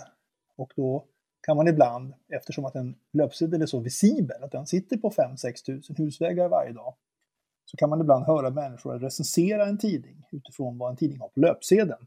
Man kan till och med höra människor dra slutsatser av en tidnings innehåll utifrån vad som står på löpsedeln. Men det är ju liksom lika bisarrt som att värdera en tv-kanal bara efter vad som sänds klockan åtta en fredagkväll. Eh, mm. Men det där är ju det brukar ju heta att det är bara skval på radion, det är ingenting på tv. Eh, lokaltidningen är tunn och så vidare. Och så vidare så att... mm. Och så tänker de inte på alla som har suttit och slitit för att få ihop de där bladen. Nej, det, det, kanske man inte behöver göra. Eh, men ofta så är det ju så att de, de där lokaltidningarna innehåller lite mer än vad man påstår. Och det är ju inte bara skval på radion, utan det är väldigt mycket annat också. Och så vidare. Så att jag, men det hör väl liksom, vissa saker hör väl kanske naturen till, att det blir som en myt eller en sägen, och så upprepar man den tillräckligt många gånger. Och det kanske egentligen inte är någon som tror på det själv, eftersom att mediekonsumtionen överensstämmer ju inte alls med vad man ibland kan höra i den offentliga debatten om media. Så folk har ju i grunden ganska högt förtroende för media, lägger ganska mycket pengar på media, spenderar väldigt mycket tid eh, på media, anförtror sig till media och vill att media ska hjälpa till att ställa saker och ting till rätta. Och det är ju ett, det är ett förtroende som vi måste förvalta efter bästa förmåga. Mm. Ehm, jag vill hoppa tillbaka lite till dig som, som person och din karriär genom Mediesverige. En sak som jag kommer ihåg um, ganska tydligt var den gången du blev dömd för ett brott som någon annan har gjort som ansvarig utgivare. Um, en reporter på, på Aftonbladet gjorde ett, nej men, Expressen gjorde ett reportage där, där han skulle visa på hur enkelt det är att få tag på vapen i Sverige och införskaffa ett vapen som han sedermera lämnar till polisen. Och du blev dömd för vapenbrott. Vill du prata lite om det? Ja, absolut. Jag blev nog, om man ska vara lite formell, dömd egentligen i rollen som chefredaktör. För att det man är ansvarig för som utgivare, det faller inom ramen för våra grundlagar. Tryckfrihetsförordning och yttrandefrihetsgrundlagen. Och då blir det ju en tryck, tryckfrihetsmål helt enkelt. I det här fallet så var det ett vanligt brottmål. Och då blev jag lagförd för att jag var chef Eh, för den här reporten och den här reportens chef i sin tur då, en nyhetschef. Eh, och jag hade då bett dem att utföra ett uppdrag där vi skulle undersöka om de påståenden som fördes fram i debatten om att det var så lätt att köpa vapen i Malmö stämde. Och allmänintresset i den frågan var att om det är lätt att köpa vapen i Malmö, då är det så lätt som det påstods, ja, då är det kanske rimligt med hårdare vapenlagar. Alla tycker ju att säga, kriminella som bär illegala vapen inte ska gå på våra gator. Men med hårdare vapenlagar, som är strängare påföljd, följer ett antal andra lite mer integritetskränkande konsekvenser. Som att polisen får större möjlighet att eh, visitera om man har en brottsmisstanke. Man får större möjlighet att göra husrannsakan om man tror att det kanske finns ett vapen i den bilen. Man kan få större möjligheter till att avlyssna samtal. Och det betyder att många människor som faktiskt inte har vapen, men som kanske antingen är helt oskyldiga, eller så är man oskyldig men råkar umgås eller bo ihop med någon som är misstänkt. De människorna kommer också utsättas för den här så att säga, övervakningen, de här polisiära insatserna. Och det kan ju vara ett pris som samhället tycker att de här individerna ska få betala om problemet med illegala vapen är tillräckligt stort. Det är bättre att vi avlyssnar människor än att de blir skjutna. Men om det är så att det inte är så stort problem som en del polischefer och politiker påstod, då fanns det en risk att man införde hårdare vapenlagar trots att det kanske inte var motiverat. Och det var syftet med reportaget. Uppdraget var undersök om det är så lätt som det påstås att köpa ett vapen. Intervjua Men du, upp, du uppviglade aldrig honom till att, till att köpa det här vapnet, utan du sa jo. undersök? Nej, alltså upp, uppdraget var att reporten skulle undersöka om det gick att köpa ett vapen, genomföra köpet, lämna vapnet till polisen. Och sen skulle vi intervjua justitieministern. Och allt det gjorde vi. Vi hade ett reportage med vapenköpet med justitieministern. Eh, och det som var lite förvånande, men det, det kan inte jag egentligen ha en synpunkt på, men det som var lite förvånande, eh, det var att Malmöpolisen, trots att man hade fem eller möjligen till och med sex ouppklarade mord vid den här tidpunkten, ändå valde att inleda en förundersökning mot oss som var journalister, trots att de hade fått bort ett vapen från gatan. Så att säga. Men det var en intressant upplevelse. Ja, jag tänker ju att det här är ju liksom alltså, en bra, en, en bra polis är ju en polis som vet när den ska um, se mellan fingrarna, om man säger så. Um, för att ska man döma människor och bötfälla människor för alla lagar som finns, då kommer vi få ett samhälle som är helt... Det, det kommer inte att funka. Eh, för att människor begår mindre lagbrott hela tiden. Och när det är så tydligt också varför man gjorde det här, att man, man precis som du säger, kunna se det som att man har hjälpt polisen att få bort ett, ett olagligt vapen från marknaden, så tycker jag att det är jättekonstigt att man väljer att, att rikta, eh, rikta sin fokus på tidningar istället, som, som, som liksom belyser det här problemet. Jag ska imorgon faktiskt ha ett möte med rikspolischefen och Säpochefen och riksåklagaren. Jag är inte helt säker på att de skulle dela din analys om att en bra polis ibland ser mellan fingrarna. Men i realiteten så är det naturligtvis så att man måste värdera situationen. Det är, det är, det är såklart att det är så. Eh, här ska man komma ihåg att det var väldigt stor uppmärksamhet mot polisen att man inte lyckades klara upp ett antal vapenbrott och till och med mord. Och det är mycket möjligt att polisen konstaterade att det här kanske inte är proportionerligt då, i jämförelse med en del andra brott som har begåtts här. Men om, om det ändå finns på bild i tidningen en person, förvisso journalist, men om en person poserar på bild i tidningen med ett vapen i hand, då är ju det ganska uppenbart om den här personen inte har vapenlicens. Att här, ha, här har det skett ett olaga vapeninnehav. Det var inte själva köpet som var illegalt, utan det var ju själva innehavet av, av det här vapnet. Och man ska också säga då att vi fick ju väldigt mycket stöd av, av den samlade mediekåren.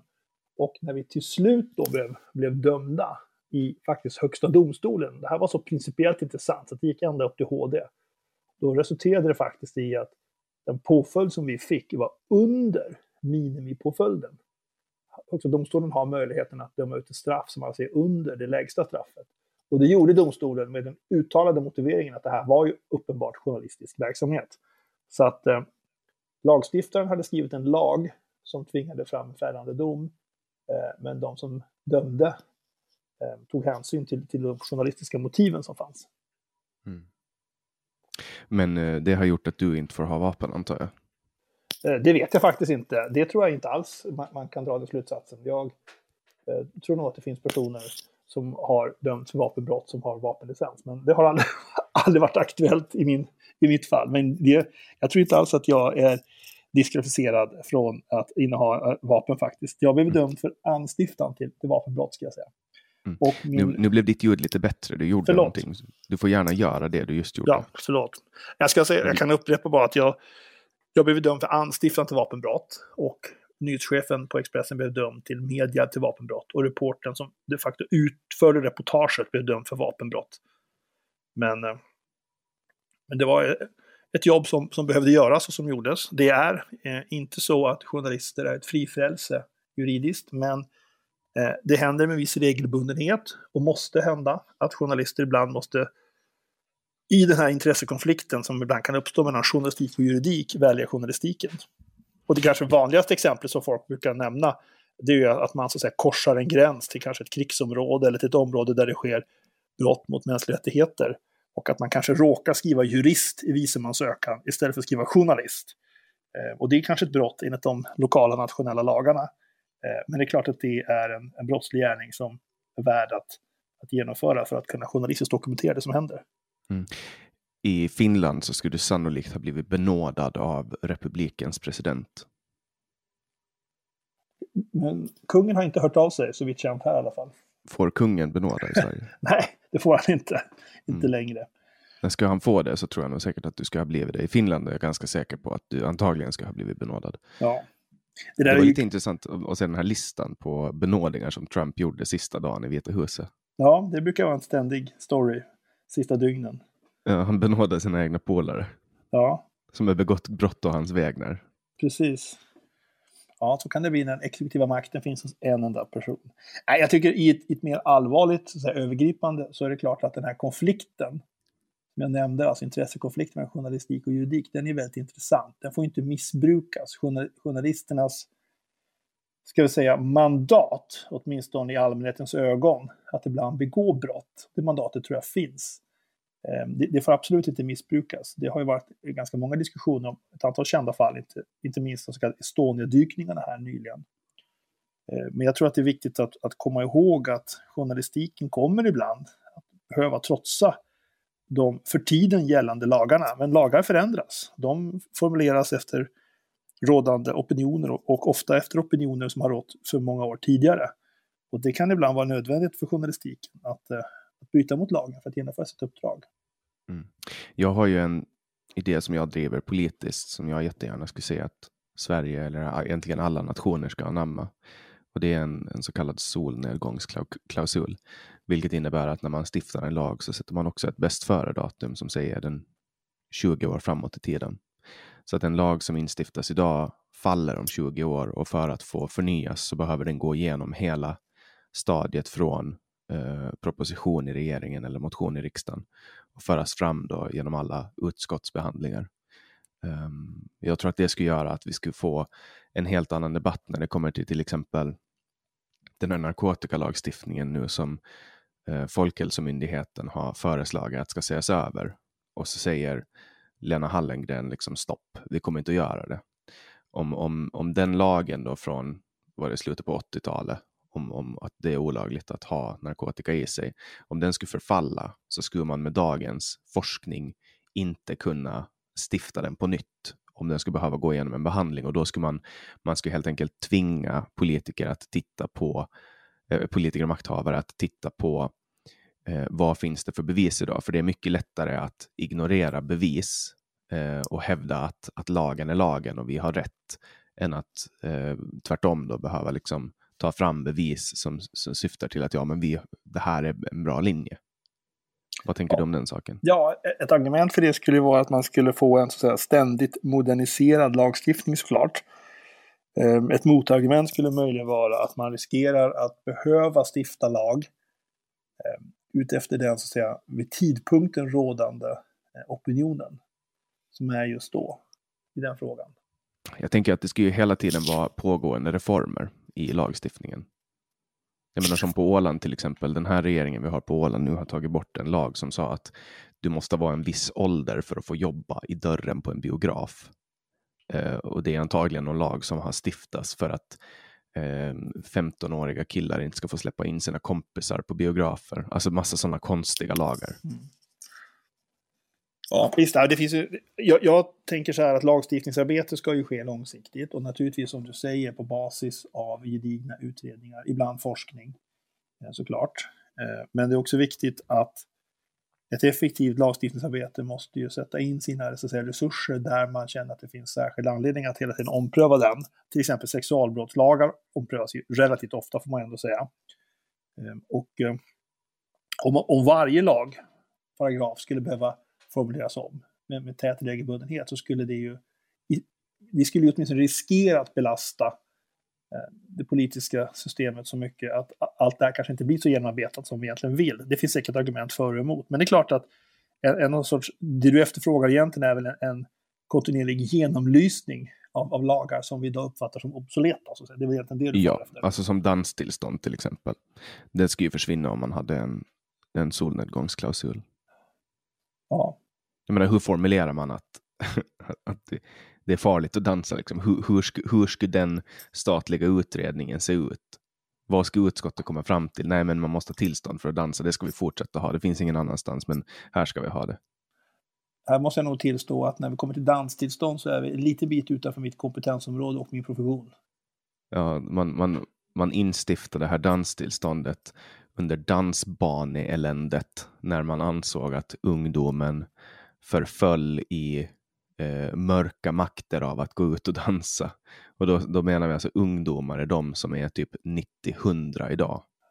Jag tänker att det, jag antar utan att kunna den lagstiftningsprocessen att det kanske en del av de här tillställningarna var förknippade med, med en del problematik, kanske kring alkohol och våld, tänker jag. Men Ja, var... alltså, du vet, förr i tiden, det har du säkert hört också, att förr i tiden när man slogs så slogs man som män och man slutade när den ena låg ner och det var aldrig någon som behövde sjukvård.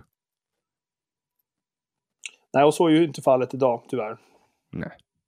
Det, nej, och sen, sen, det här var ju liksom, man ansåg, man, man la in någon form av, av moralisk, eh, alltså det var ju som, du vet Sivert Öholm när han sitter i, i och pratar om W.A.S.P. i tv och, och pratar om att de är liksom satanister och så vidare. Eller när, när de här gamla inslagen från SVT där man pratar om att eh, boken är ett jättebra lagringsmedium, att datorer aldrig kommer att slå igenom. Eh, det är ju liksom en, någon form av gammal, gammaldags tanke som, som har liksom fått ta sig in i lagstiftningen. Ja, jag tror att det är väldigt många så att säga, uppfattningar, inte minst om om kultur som kanske inte står sig så bra när man tittar på dem några år senare. Man får nog som värdera dem efter den tid där det var. Ja, men, men jag tänker mera på att typ Um, alltså dansbaneeländet, det var ju liksom um, det, var, det var ju en grej. Jag ska faktiskt uh, jag, jag ska live-googla. Dansbaneeländet. Dansbaneeländet var en tid av moralpanik kring dansbanor i Sverige under 30 och 40-talet. Under 30 och 40-talet drabbades det svenska samhället av moralpanik i samband med att dansbanor fick ta, in, ta en allt större plats i ungdomarnas fritid. Dansen hade till en början på 1940-talet en oroande aura runt om sig och därav växte begäret att tämja och kontrollera dansen fram. Genom dansen kan man komma nära andra kroppsligt, man kan få uttryck för sin kreativitet, sin känsla för rytm samt sin lekfullhet. du hör ju själv. Ja, men jag tänker att det här var ju en tid, det här tillkommer då under en... Eh, när man har liksom motbok i Sverige, det är alltså spritransonering. Eh, det är ett samhälle som möter influenser där man tycker att, senare att Elvis musik kan vara skadlig. Du säger W.A.S.P. Idag pratar vi om gangsterrap. Eh, mm. jag, jag, tror att man, jag, jag, tror man får vara försiktig med att liksom döma och, och recensera i efterhand. Det finns säkert väldigt mycket som vi gör idag som man i framtiden kommer skaka på huvudet åt. Moralpanik är ju inte lika vanligt längre. För man vet att, att det leder liksom inte till ett mänskligt förfall. De här människorna som dansar på de här dansbanorna på 40-talet, eh, de har liksom inte blivit vilddjur som man trodde.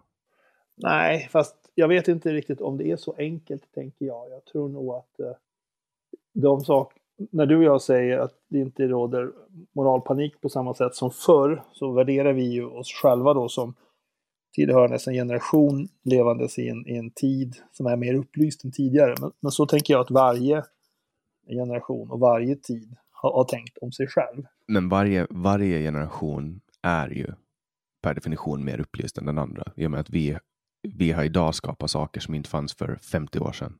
Nej, de och det... då hade skapat saker som inte fanns för 50 år före det. Och jag tror att det är just den insikten som gör att vi ska vara medvetna om att kommande generationer kommer titta tillbaka på det vi gör nu och, skaka på huvudet på samma sätt som vi skakar på huvudet åt det som skedde på 30-talet. Mm. Jag tänker bara hur det kommer att vara när jag är typ 85 år gammal och sitter och pratar om när jag var liten och spelade World of Warcraft. Liksom. Ja, då kommer man antingen tycka att det var jättekonstigt att du gjorde det. För att det fanns ju en del saker som man gjorde förr som var helt vansinniga tycker vi idag. Eller så kommer man tycka att det var jättekonstigt att folk ifrågasatte det. Så, Eller tänk, vad, tänk, när man sitter på, på ålderdomshemmen, när min generation sitter där och gamer. Ja, visst. Men, eh, men eh, jag, jag tänker att eh, det är inte så himla länge sedan vi åkte bil utan bilbälte, vi rökte och så vidare och så vidare. Det är ju liksom i, i, i vår moderna livstid. Och det ansågs ju helt socialt accepterat då. Och idag så vänder man sig om om man ser en människa med cigarett. Och sitter man i en bil och ser någon som röker i en bil bredvid, då, är det, då, då, vänd, då pekar folk på det. Titta, han röker i bilen, så att säga. Mm. Du har aldrig varit på Åland, har jag. Nej. Nej, men det framstår ju som, som att det är liksom en... Eh, eh, det uppfattas ju som att man är så att säga en obildad person av en lägre samhällsklass om, om, om man gör det idag, tror jag.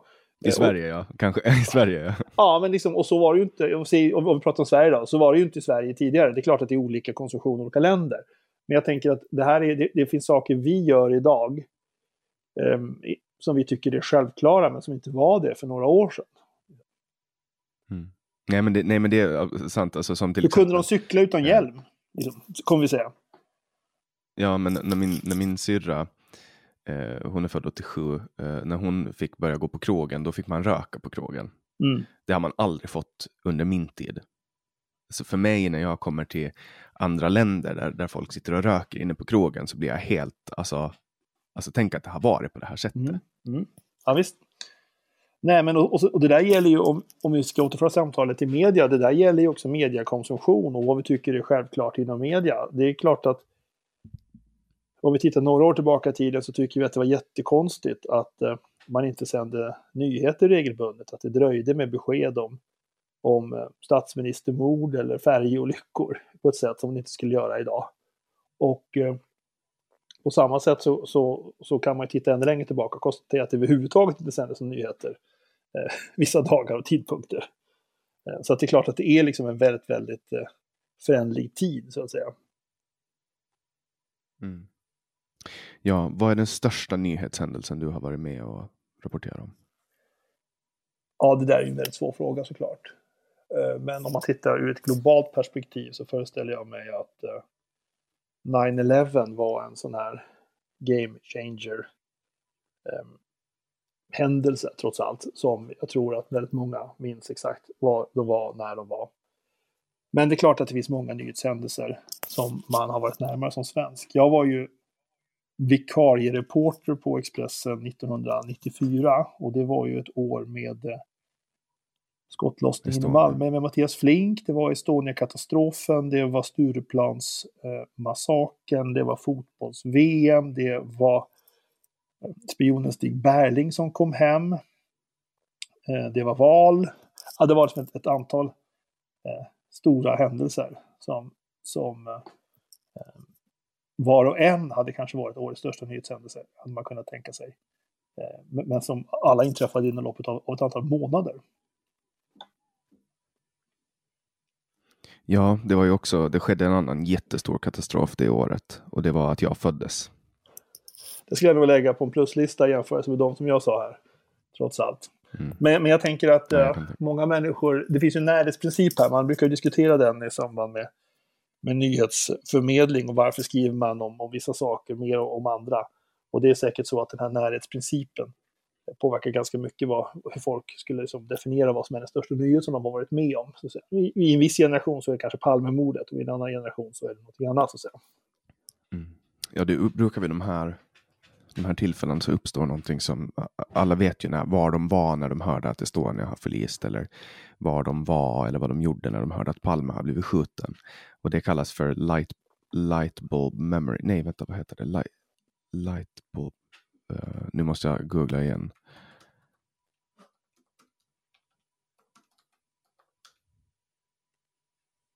Flashbulb memory heter det. Mm. Flashbulb memory is a high detailed, exceptionally vivid snapshot of the moment and circumstances in which a piece of surprising and consequential jag måste klicka för, för att komma in. Uh, news was learned about. Uh, var var du när, när uh, du fick reda på att Estonia har sjunkit? Eh, jag var på restaurang eftersom att en av Expressens reportrar, Niklas Svensson, skulle sluta. Det var väldigt många kollegor som var på platsen. Jag åkte hem, kom hem, bodde i förort till Stockholm och såg på text-tv att det var en färja som var i sjönöd. Och jag ringde till tidningen på natten, frågade om de behövde hjälp och då visste man inte riktigt vad som hade hänt. Då sa man att man inte behövde någon hjälp och då ringde jag till den dåvarande nummerupplysningen som jag tror hette 07975 och bad att få 010 NNT-numren till den färja som var närmast, för den omnämndes på text-tv. Och så ringde jag till den färjan. Hemifrån. Det var Mariella då? Ja, det kanske var Mariella. Ringde jag till den färjan och sen så bad jag att få bli kopplad till bryggan, vilket det blev. Och där var en som svarade som sa eh, det är människor i vattnet, sa den personen innan den personen la på. Då ringde jag tillbaka några minuter senare till redaktionen och sa, det var mitt i natten, och sa att jag har pratat med, med färjan. Det är, det är människor i vattnet. Och då sa de, kom in. Så då åkte jag in och sen så var jag på tidningen i några timmar. Och sen skulle jag åka hem och då var det så att jag bodde lite bortanför Bromma flygplats. Så då åkte jag eh, med en taxi som skulle släppa av ett antal medarbetare som skulle åka med ett chartrat flygplan som skulle släppa några medarbetare på Åland och som sen skulle vidare till Åbo. Ehm, och då så sa de att du kan åka med den taxin hem, du kan bara fortsätta med den. Men om det är så att det finns en plats på, på flyget så ta den också. Vi vill få så många som möjligt till, till Finland en natt här. Uh, så att jag, några timmar senare så klev jag av i regnet på flygplatsen i Åbo och sen så var jag där en tid framöver. Och på, först på universitetssjukhuset då förstås. Um, och sen så bevakade jag. Jag flög över haveriområdet dagen efter och bevakade katastrofen. Så då fick du se en av de största mediehändelserna i Norden någonsin, eller den största. Det var väl kaos där på eh, sjukhuset i Åbo? Va? Ja, det skulle jag nog beskriva det som. Eh, det var ganska välordnat när eh, Eh, de överlevande kom, eh, ankom till, till universitetssjukhuset. Ehm, I, alltså välordnat i den meningen att journalister inte kunde approchera dem, men man kunde ju filma dem. Det kanske man inte skulle kunna göra idag, men det kunde man då. Eh, det som inte var välorganiserat inne på sjukhuset var att sjukhuset hade ingen som helst tillsyn över sina lokaler. Och det är ett universitetssjukhus, så det finns ju också när man skulle till exempel hålla presskonferens, höll man den i det, i det auditorium där man väl antar jag normalt höll föreläsningar. för att ta sig dit så var man liksom tvungen att gå genom sjukhuskorridorer där det också fanns de människor som hade kommit från färjan. Och idag är det ganska stökigt uppbåd om man har flera hundra journalister som ska gå genom en korridor. Men idag är i alla fall tekniken betydligt mindre än vad den var då. Och den här tidens till exempel tv-teknik var ju väldigt otymplig. Och så det var ju väldigt rörigt kan man enkelt beskriva det som. Ja, ett, ett av de mest um, um, alltså ett av de samtal som har påverkat mig mest var med, med Anders Eriksson som överlevde Estonia. Från Karlskoga va? Jag tror det ja. Uh, jag undrar om inte han och jag, vi satt hemma hos honom när jag spelade in det här samtalet med honom. Jag undrar om inte du var där, man ser dig på bild um, när han gör en intervju. Okej. Okay. Jag undrar, för, för visst var ju du där och gjorde intervjuer med överlevarna? Var någonstans då? I Åbo? Åbo, ja. ja. absolut. Ja, han sitter i någon blå dräkt och, och han och en till svarar på frågor. Och jag, jag, jag, jag är väldigt säker på att man ser det i bild där. Ja, jag kom ju på morgonen och var där en tid framöver. Mm. Ja, vad tänker du om hela den här Henrik Evertssons eh, dokumentären som släpptes på Dplay i höstas och det här avslöjandet som gjordes? gjordes? jag tycker att den är intressant. Den har ju liksom flera, man kan, man kan, man kan recensera eller diskutera den utifrån eh, flera aspekter. Jag tänker att ut rent så allmänintresse, utifrån ett rent nyhetsperspektiv, så kan man ju konstatera att alldeles oavsett hur det här hålet, och som det sen visade sig vara hålen, eh, oavsett hur det har uppstått, alldeles oavsett om det har skett i en kollision eller med något annat, eller om det har skett när båten slår i, i, i botten. Oavsett vilket eh, så var de hålen inte kända för oss innan. De var inte kända för allmänheten och de var uppenbarligen inte kända för våra haverikommissioner som nu har inlett en ny undersökning. Eh, så det, det i sig tycker jag motiverar det journalistiska arbetet.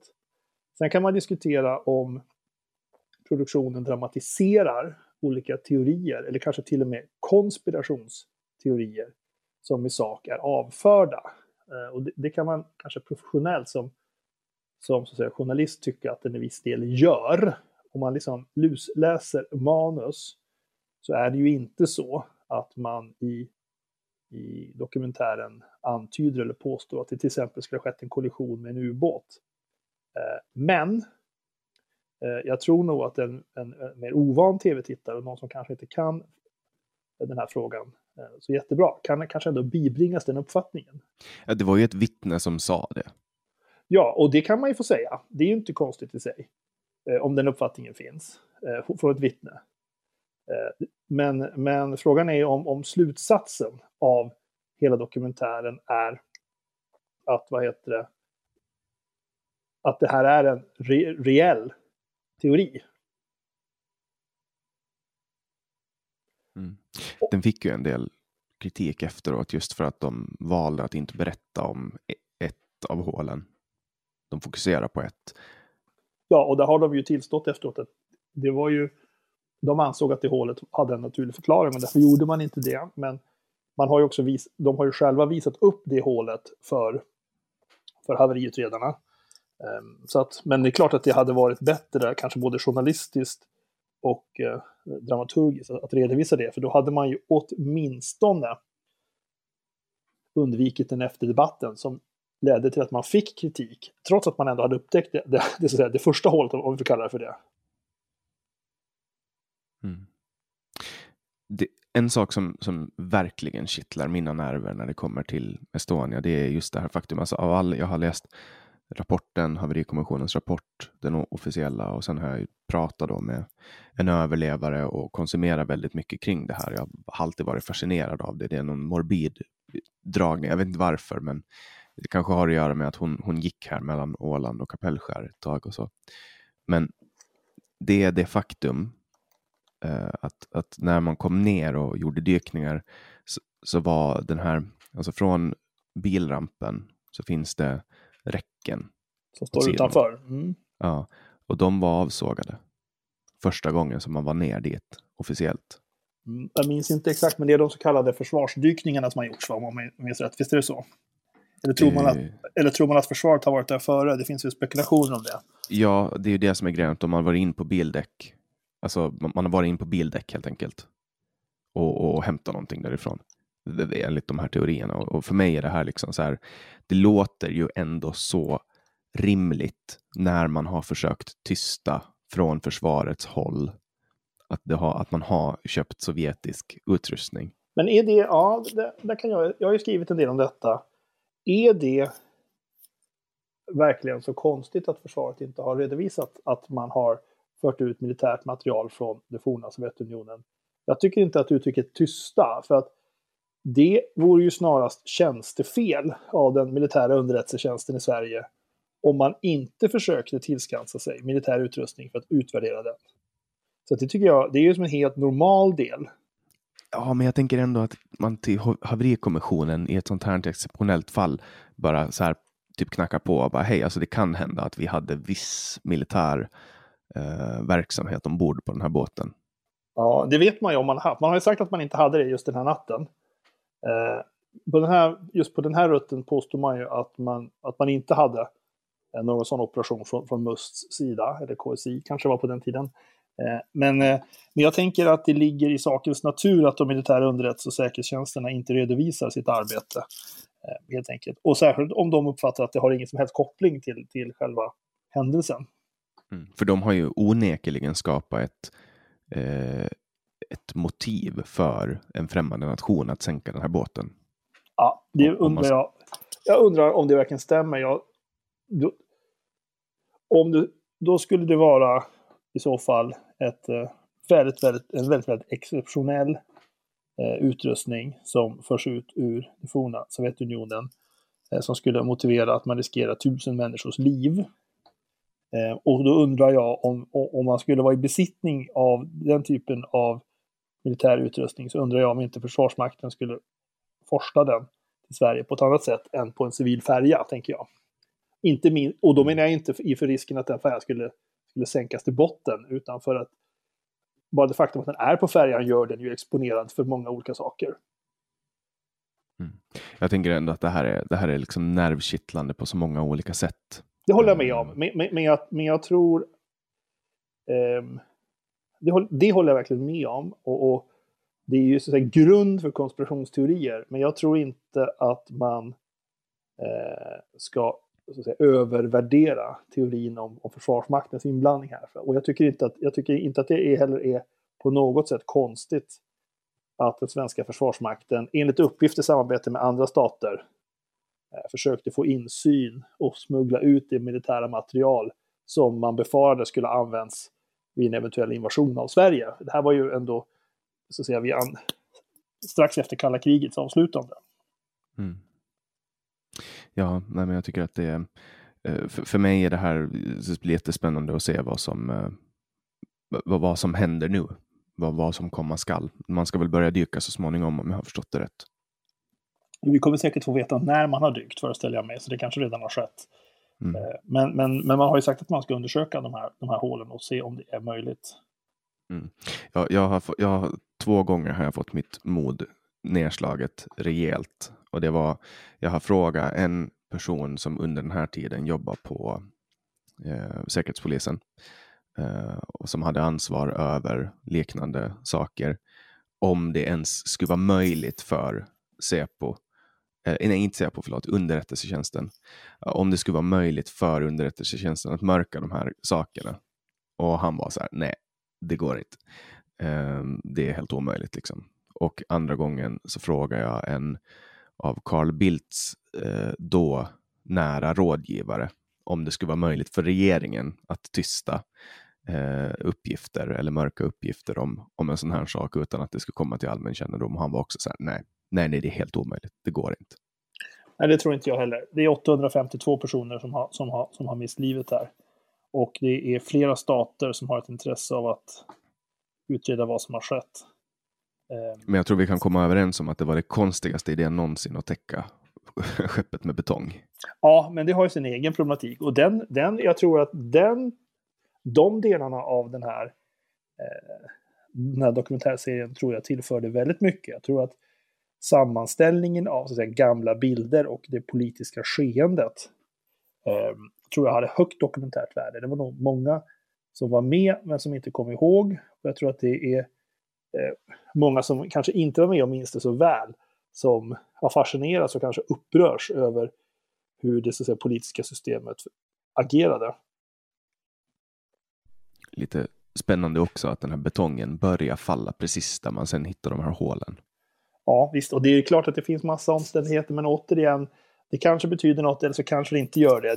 Det kanske bara är ett exempel på den enskilde SVT-korrespondenten som, som, som gör något han inte borde gjort i tv, men, som in, men det kan inte liksom tolkas som, som en större konspiration av SVT för den skull. Så att säga. Mm. Nej, men det ska, bli, det ska bli spännande att se efterspelet. Vad har du annat för, för stora nyhetshändelser som du har varit med och bevakat som verkligen har satt spår i, i dig? Nej, men det är klart att man har jobbat vid ett antal valrörelser, vid ett antal amerikanska valrörelser. Man har ju jobbat vid ett, eh, jag nämnde ju några dramatiska nyhetshändelser. Eh, och det är klart att de här, eh, så, det, det, som är så att säga, Anna Lind-mordet eller den typen av, av nyhetshändelser som, som hela Sverige pratar om. Och, och som man ju, Flodvågen typ. Flodvågen är ett, ett sådant exempel naturligtvis. Det finns ju, den typen av händelser berör ju också journalister, ska vi komma ihåg. Eftersom att det är ju journalister som har åkt på de här färjorna, som har varit på semester i Thailand, som har handlat på NK, eh, som har gått på Sveavägen och så vidare. Och det kommer ju så att säga nära journalisterna också. De har också varit i de här miljöerna. och De kanske känner människor som var vittnen eller drabbade. Så det är klart att det påverkar de som jobbar med det här och, och att rapportera också. Och Drottninggatan, du var ju fortfarande chefredaktör då? Ja, Drottninggatan var ett sådant exempel. Jag stod och höll ett anförande inför kanske 200 chefer från annonsbranschen i, i vårt konferenscenter och jag skulle börja tala, om jag minns rätt, klockan tre. Och precis när jag går upp och eh, börjar prata så alla tittar på mig och jag ska visa en presentation så börjar det pipa i min telefon och det kommer några kryptiska meddelanden. Eh, och jag säger helt kort att jag tror att vi måste bryta nu. Och då började så folk titta i sina telefoner och då lämnade jag eh, den här konferensdelen på nedre botten och tog hissen upp till redaktionen och där pågick ju då febril aktivitet. Mm. Jag tycker det var, det, det, var, det, var så, det där var så påtagligt för mig, den händelsen, för att jag hade gått där eh, med min dåvarande fästmö bara två dagar innan. Eh, och man pratar ju jättemycket om terror och det här var ju när Isis härjade fritt mm. i Syrien och så vidare. Och då sa jag så här till henne när vi gick i hörnet vi korsar precis det där hörnet och då sa jag att om någonting händer i Stockholm så är det här. Mm. Och, och, två dagar senare så händer det där och det är sånt som, som jag tycker det är, det är, det är lite o, alltså, obehagligt att vara med om sånt. Mm, ja visst, nej men det är ju det är klart att det, den händelsen är också en sån händelse där många tänker, jag kunde varit jag, jag var där dagen innan, jag brukar gå där, jag känner någon som stod i en butik och det svischade förbi en lastbil och så vidare. Mm. Ja, när det berör extremt många. Ja, och när det är på platser som många kan relatera till. Och det är väl också därför man väljer att genomföra terrordåd eh, i den typen av publika miljöer som terrordåd ofta görs. På broar i London, på diskotek i Frankrike eller på tågstationen i Madrid och så vidare och så vidare. Mm. Varför valde du att kliva av som chefredaktör? Var det för att du fick ett bättre jobb eller var du trött på jobba som chefredaktör? Nej, men jag tror, alltså, trött, den sista frågan kan man säga, man kan inte vara trött på att vara chefredaktör. Man kan möjligen vara trött på att man, eh, i mitt fall efter tio år, fattar ungefär samma beslut om och om igen. Och det är klart att, eh, och, det, och, det, förstår ju tror jag var och en, att, att det finns ett antal beslut som man tar med viss regelbundenhet. Eh, och då kan det kanske vara mer utmanande att fatta andra, andra beslut. Men det, man kan inte säga att man blir trött av att vara chefredaktör, för man befinner sig mitt i säga, händelsernas centrum. Det skrivs nutidshistoria, inte bara omkring en, eh, utan också man är med och gör det själv. Det journalistiska arbete som man är med och orkestrerar och bidrar till eh, får människor att förhålla sig till historien på ett sätt eh, som de inte hade gjort annars. Att, att man är med och, det är ju i, i det lilla och det stora såklart, men att liksom vara med och fatta beslut om att publicera en viss bild eller skicka personer till en viss plats eller göra en viss första sida som, som antingen kanske blir kritiserad eller hyllad och så vidare. Det är ju någonting som är väldigt, väldigt få förunnat. Eh, samtidigt, jag hade jobbat 25 år på Expressen och nu jobbar jag på Bonnier så att jag parkerar visserligen min bil på samma ställe och åker i samma hiss och träffar samma människor. Men det är klart att man har ett annat uppdrag än, än att behöva bryta det här samtalet sent på kvällen för att säga att jag, jag måste ta ett samtal från jobbet och fatta beslut om, om, en, ja, om en publiceringsfråga. Så det är klart att Fick- det blir... Fick du någonsin vara i fred? Nej, och det ska man ju inte få vara heller. Det är ju också en del av utgivaruppdraget. Man, man ska ju vara tillgänglig hela tiden. Och man ska ju vara... Eh, om man är en god chefredaktör så ska man ju också vara en stridbar publicist. Därför att det ligger i uppdragets natur att, att söka debatt och ibland konfrontation. Därför att det berikar det offentliga samtalet. Och det, och det liksom tillför någonting eh, i, i, i, i debatten. Hur, hur har det här påverkat liksom privatlivet då? Att, att hela tiden vara anträffbar? Jag tror att det påverkar väldigt. Det påverkar naturligtvis, men, men det påverkar naturligtvis mindre tror jag för mediechefer och för politiker och för höga chefer i andra branscher idag med tanke på de tekniska möjligheter som finns att ta del av, av innehåll, texter, bilder, löpsedlar, första sidor, planering i, i en mobiltelefon eller en dator jämfört med att stå och vänta vid en telefaxmaskin hemma eller att till och med kanske behöva gå ner på gatan och ta emot ett taxibud som kommer med en kopia eller som det var ännu tidigare faktiskt tillbringa eh, kvällarna på själva tidningen. Har du något avslöjande som, som du har gjort som du hö, hö, hö, höjer över andra avslöjanden? Nej, det kan jag inte påstå. Jag har ju varit med om väldigt många, så att säga, eh, publiceringar och varav väldigt många har varit gjorts av väldigt duktiga medarbetare och ibland har jag varit mer eller mindre involverad i planeringen och upplägget eh, av, av de här avslöjandena. Men jag tror att man ska vara försiktig med att liksom eh, peka ut vare sig bra eller dåliga saker eftersom att det där är ett lagarbete. Det är publiceringar som görs där och då. Eh, och man, man ska nog bara, tänker jag, när man ser tillbaka på att man har jobbat inom media, se att man var förunnad att vara med om någonting som hände och man var mitt i det och det är oerhört inspirerande att ha varit med om det. Vad är det du gör idag då? Idag är jag senior advisor på Bonnier News, jobbar med eh, frågor som är interna och externa och spänner över alla våra olika varumärken. Och jag representerar Bonnier News då, som är Sveriges största mediekoncern i ett antal olika styrelser, till exempel i Tidningsutgivarna och i Utgivarna. Och jag är för stunden också VD för branschorganisationen Utgivarna vid sidan om mitt vanliga jobb på Bonnier. Och jag är också ordförande för Utgivarna då, som är en annan organisation. Och den, där ingår TV4 och Sveriges Television, Sveriges Radio, eh, Utbildningsradion, Sveriges Tidskrifter. Så det enda du gör är att prata om media hela dagarna? ja, det kan man säga. Och träffar politiker, eh, ministrar och polischefer och mediechefer. Eh, så, ser, så ser dagarna ut. Vem är den kändaste människan du har träffat? Ja, det vet jag faktiskt inte. Men det är klart att det är ju ett väldigt, alltså i den här typen av jobb som vi pratar om, eh, är ju förknippade med att man på dagen kan vara åtalad i en domstol och på kvällen vara på kungamiddag. Och i ena stunden eh, så blir man anklagad för att man är rasist eller nazist eller kommunist. Eh, och i, i andra stunden så står man med statsministern och pratar. Så det är klart att det spänner över, över, över breda fält. Men man får hela tiden förlika sig med att de som har åsikter om en, de har ju inte åsikter om dig som person, utan de har ju åsikter om, om ett ämbete, om ett, ett jobb som utförs. Som du gör. Och alla vet ju att chefredaktören på Expressen alltid är rasist, nazist, kommunist. Precis. Och, och, och, säkert, och säkert mer än så. Mm. Det ska man vara. Ja. Men har du träffat Obama till exempel? Nej, det har jag inte gjort. Det har jag inte gjort. Har du träffat någon amerikansk president? Nej, det har jag inte gjort. Men kungen har du träffat? Kungen har jag träffat.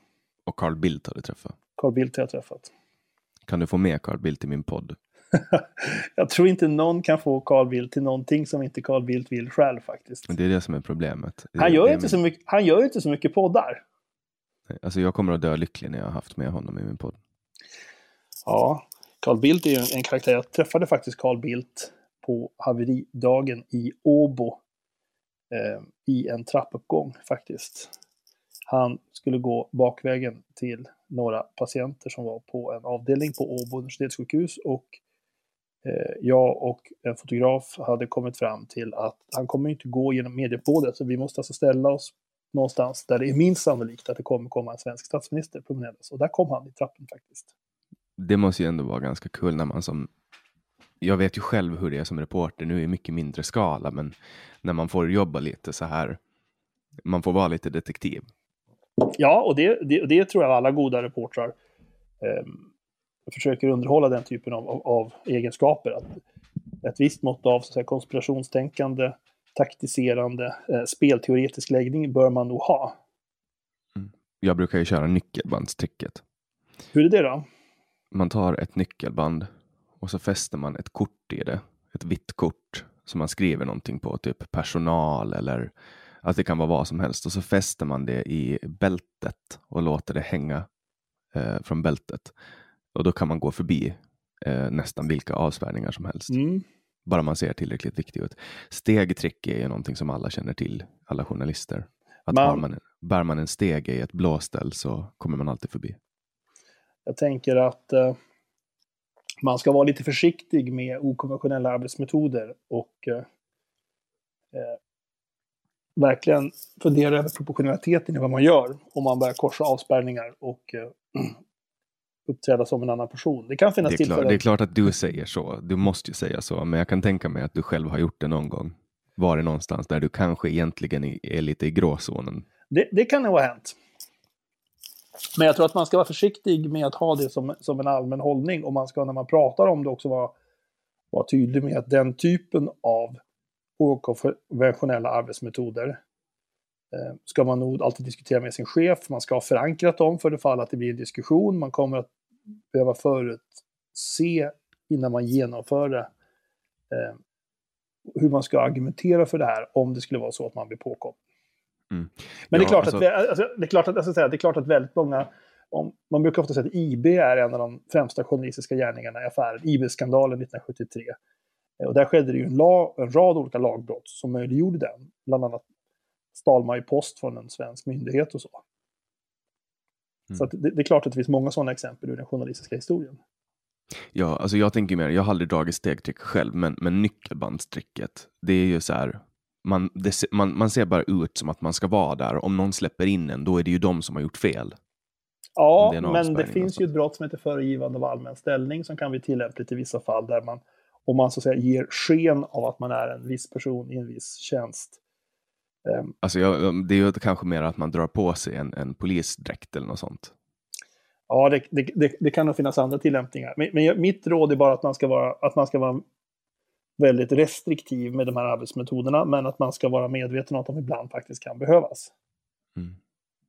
Ja, jag, jag har tagit mig in på, på några platser där jag inte får vara, men, men där det har funnits, där jag i alla fall har ansett att det har funnits eh, ett värde av att det finns bevakning.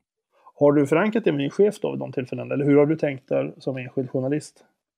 Mm, ibland har det inte alltid varit tillfälle att Eh, att, kunna kontakta chefen. Eh, och då har jag agerat på eget bevåg och sen berätta för, för chefen vad det är som har, hur jag har gjort.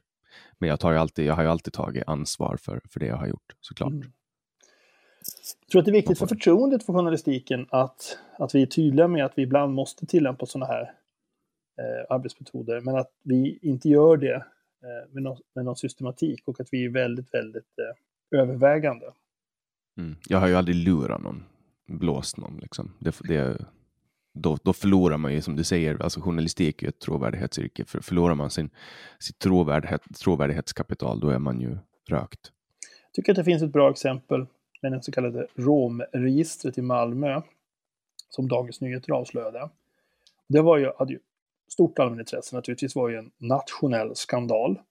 Eh, men för att verkligen understryka allvaret i detta och verkligen bevisa att det här registret, som ju ingen kände till, förekom, så publicerade Dagens Nyheter en, en liten faksimil, en, en skärmdump, ett litet fotografi av ett utdrag ur eh, registret. Och då träder man över en annan gräns därför att det finns uppgifter som man kan få lämna till en journalist inom ramen för meddelarfriheten.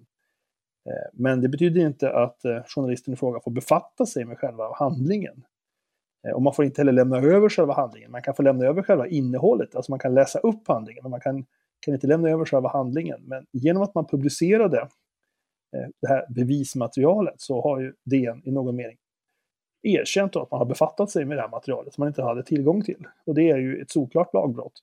Men när justitiekanslern utredde detta så valde justitiekanslern faktiskt att inte inleda förundersökning till slut. Det väcktes inget åtal.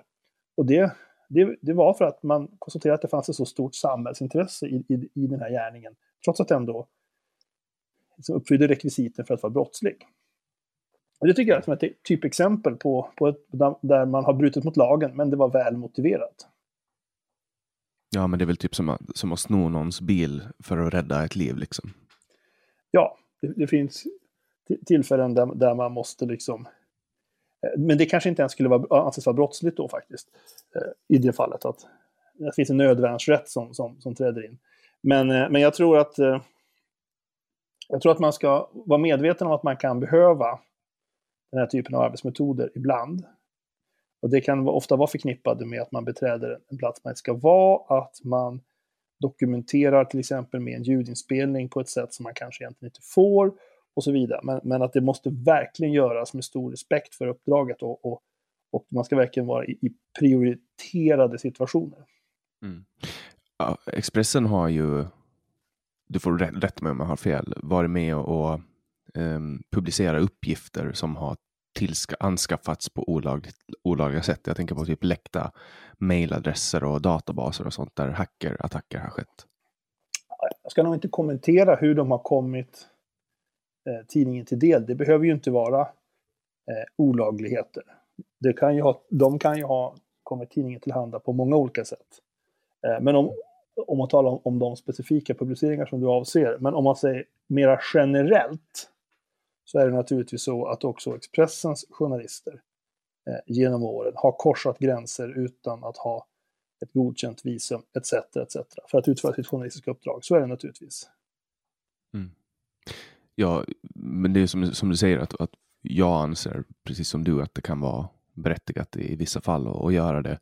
Om, om det är att driva en, en specifik, specifik vendetta mot någon man inte tycker om, då kanske det inte är lika tillämpligt som om det är att avslöja att Transportstyrelsen har läckt information till främmande makter.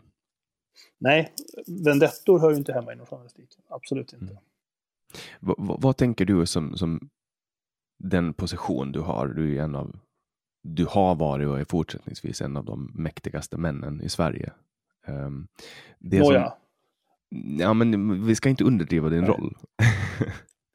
Jag menar, du har varit ansvarig utgivare på, på en av Sveriges största tidningar. Ja, det är korrekt.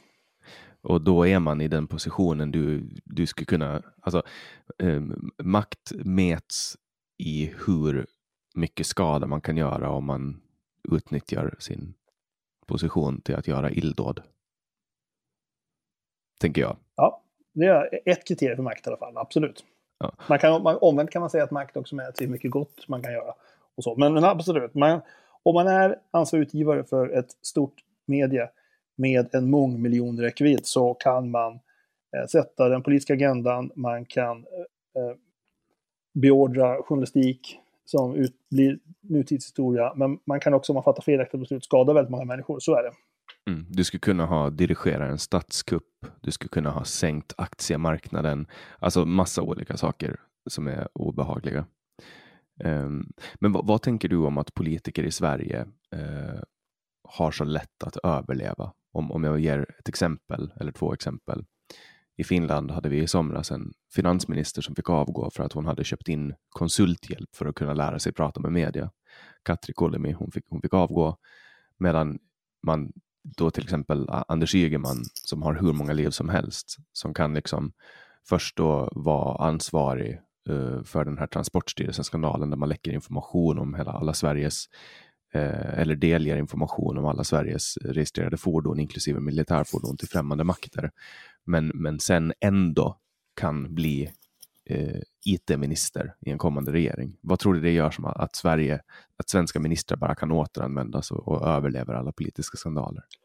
Jag tror att det finns exempel på, på statsråd som inte har kommit tillbaka efter att fått kritik av till exempel konstitutionsutskottet. Jag tror också att det beror lite grann på vad man har gjort för någonting, om det är ett eh, politiskt ansvar eh, som utkrävs, om det är eh, ett politiskt spel partierna emellan där en, en minister till exempel tar konsekvenserna och måste avgå eller, eller tvingas lämna regeringen eh, kanske mot sin vilja, så, så är det liksom en dimension av det. Och sen finns det andra politiker eh, som ertappas med att göra saker som är omoraliska eller, kanske till, till och med olagliga.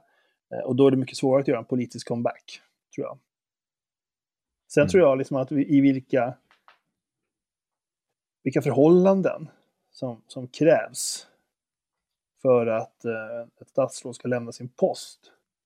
Eh, det tror jag kan bero väldigt mycket på vilken så att säga, kulturell ehm, värld man lever i. Det är väldigt olika förutsättningar för att vara politiker i ska vi säga, Storbritannien, Frankrike, Italien och Sverige. Det är väldigt olika saker som, som orsakar en mediestorm och ett drev som gör att man kanske måste lämna sitt uppdrag. Mm. MP-ministrar har ju lite lättare att falla ut ur regeringen än till exempel socialdemokrater som lätt gör comebacks ja, återigen, jag tror inte att man kan, kan göra den så att säga, enkla jämförelsen. Det finns ju väldigt många fler socialdemokratiska ministrar såklart. Och de sitter också ofta på, eftersom att det ofta är ett statsbärande parti då, ofta på poster som är väldigt, väldigt tunga. Kanske mycket, betydligt tyngre då än de som är koalitionspartner. Jag tror att man kan se exempel på, på båda här faktiskt. Ja, nej, men jag tycker i alla fall att det det skiljer sig om man kollar på finsk politik och svensk politik så skiljer sig väldigt, väldigt mycket. Och jag tror att det sist och slutligen är en fråga om, om kultur och vad människor accepterar. Ja, men så är det säkert. Och det var lite grann det jag menade med eh, att i, i Sverige så lägger vi väldigt lite vikt vid till exempel förtroendevaldas eh, privatliv. Vi anser att det är inte intressant. Det finns inget ansvarsutkrävande kring, med några få undantag ska jag säga, men det finns egentligen inget ansvarsutkrävande att göra utifrån vilka människor man lever med eller, eller, vad, eller vad man kanske till och med gör själv i det privata. Eh, Medan i andra länder så är det väldigt dramatiskt. I Sverige är det däremot väldigt dramatiskt om en politiker inte betalar skatt, vi har hög skattemoral. Eh, och det kanske inte riktigt är lika allvarligt i, i, i, en del andra länder. Det finns många olika saker som, som kan skilja sig kulturellt. Fredrik Federley fick ju avgå ganska hastigt när det kom fram hela den här grejen kring honom. Ja, och, men han avgick ju också för att han, att han var en Ehm, sjukdomstillstånd som gjorde att det inte var möjligt för honom att fortsätta hålla en självuppgivet. Men så är det ju, han är ju en av de personer där förtroendet för honom då skadades eh, av hans agerande eh, i, i, i, sitt privata liv. Men eftersom att politik är en förtroendebransch så är det klart att om man inte uppbär det förtroendet så kommer man naturligtvis att eh, lida skada av det också i, i, i sin politiska gärning. Mm. Jag tycker att det är så konstigt just med många av de statsråd som finns nu har ju ertappats med att ljuga flertalet gånger. Att, att, de liksom, att folk bara accepterar det. Jag tycker det är jättekonstigt. Ja, jag vet inte vilka exempel du, du tänker på nu, men... Men jag tänker främst på typ Lena Hallengren. När hon går ut och ljuger och säger att ja, men jag har alltid förespråkat munskydd. Ja, men hennes tolkning var ju inte att hon hade ljugit utan att det citatet som det presenterades var förkortat och ryckt ur sitt sammanhang. Eh, och jag tänker också att eh, våra politiker tycker inte att det ska inte finnas någon acceptans för att de far med osanning och framförallt inte om, om det sker medvetet.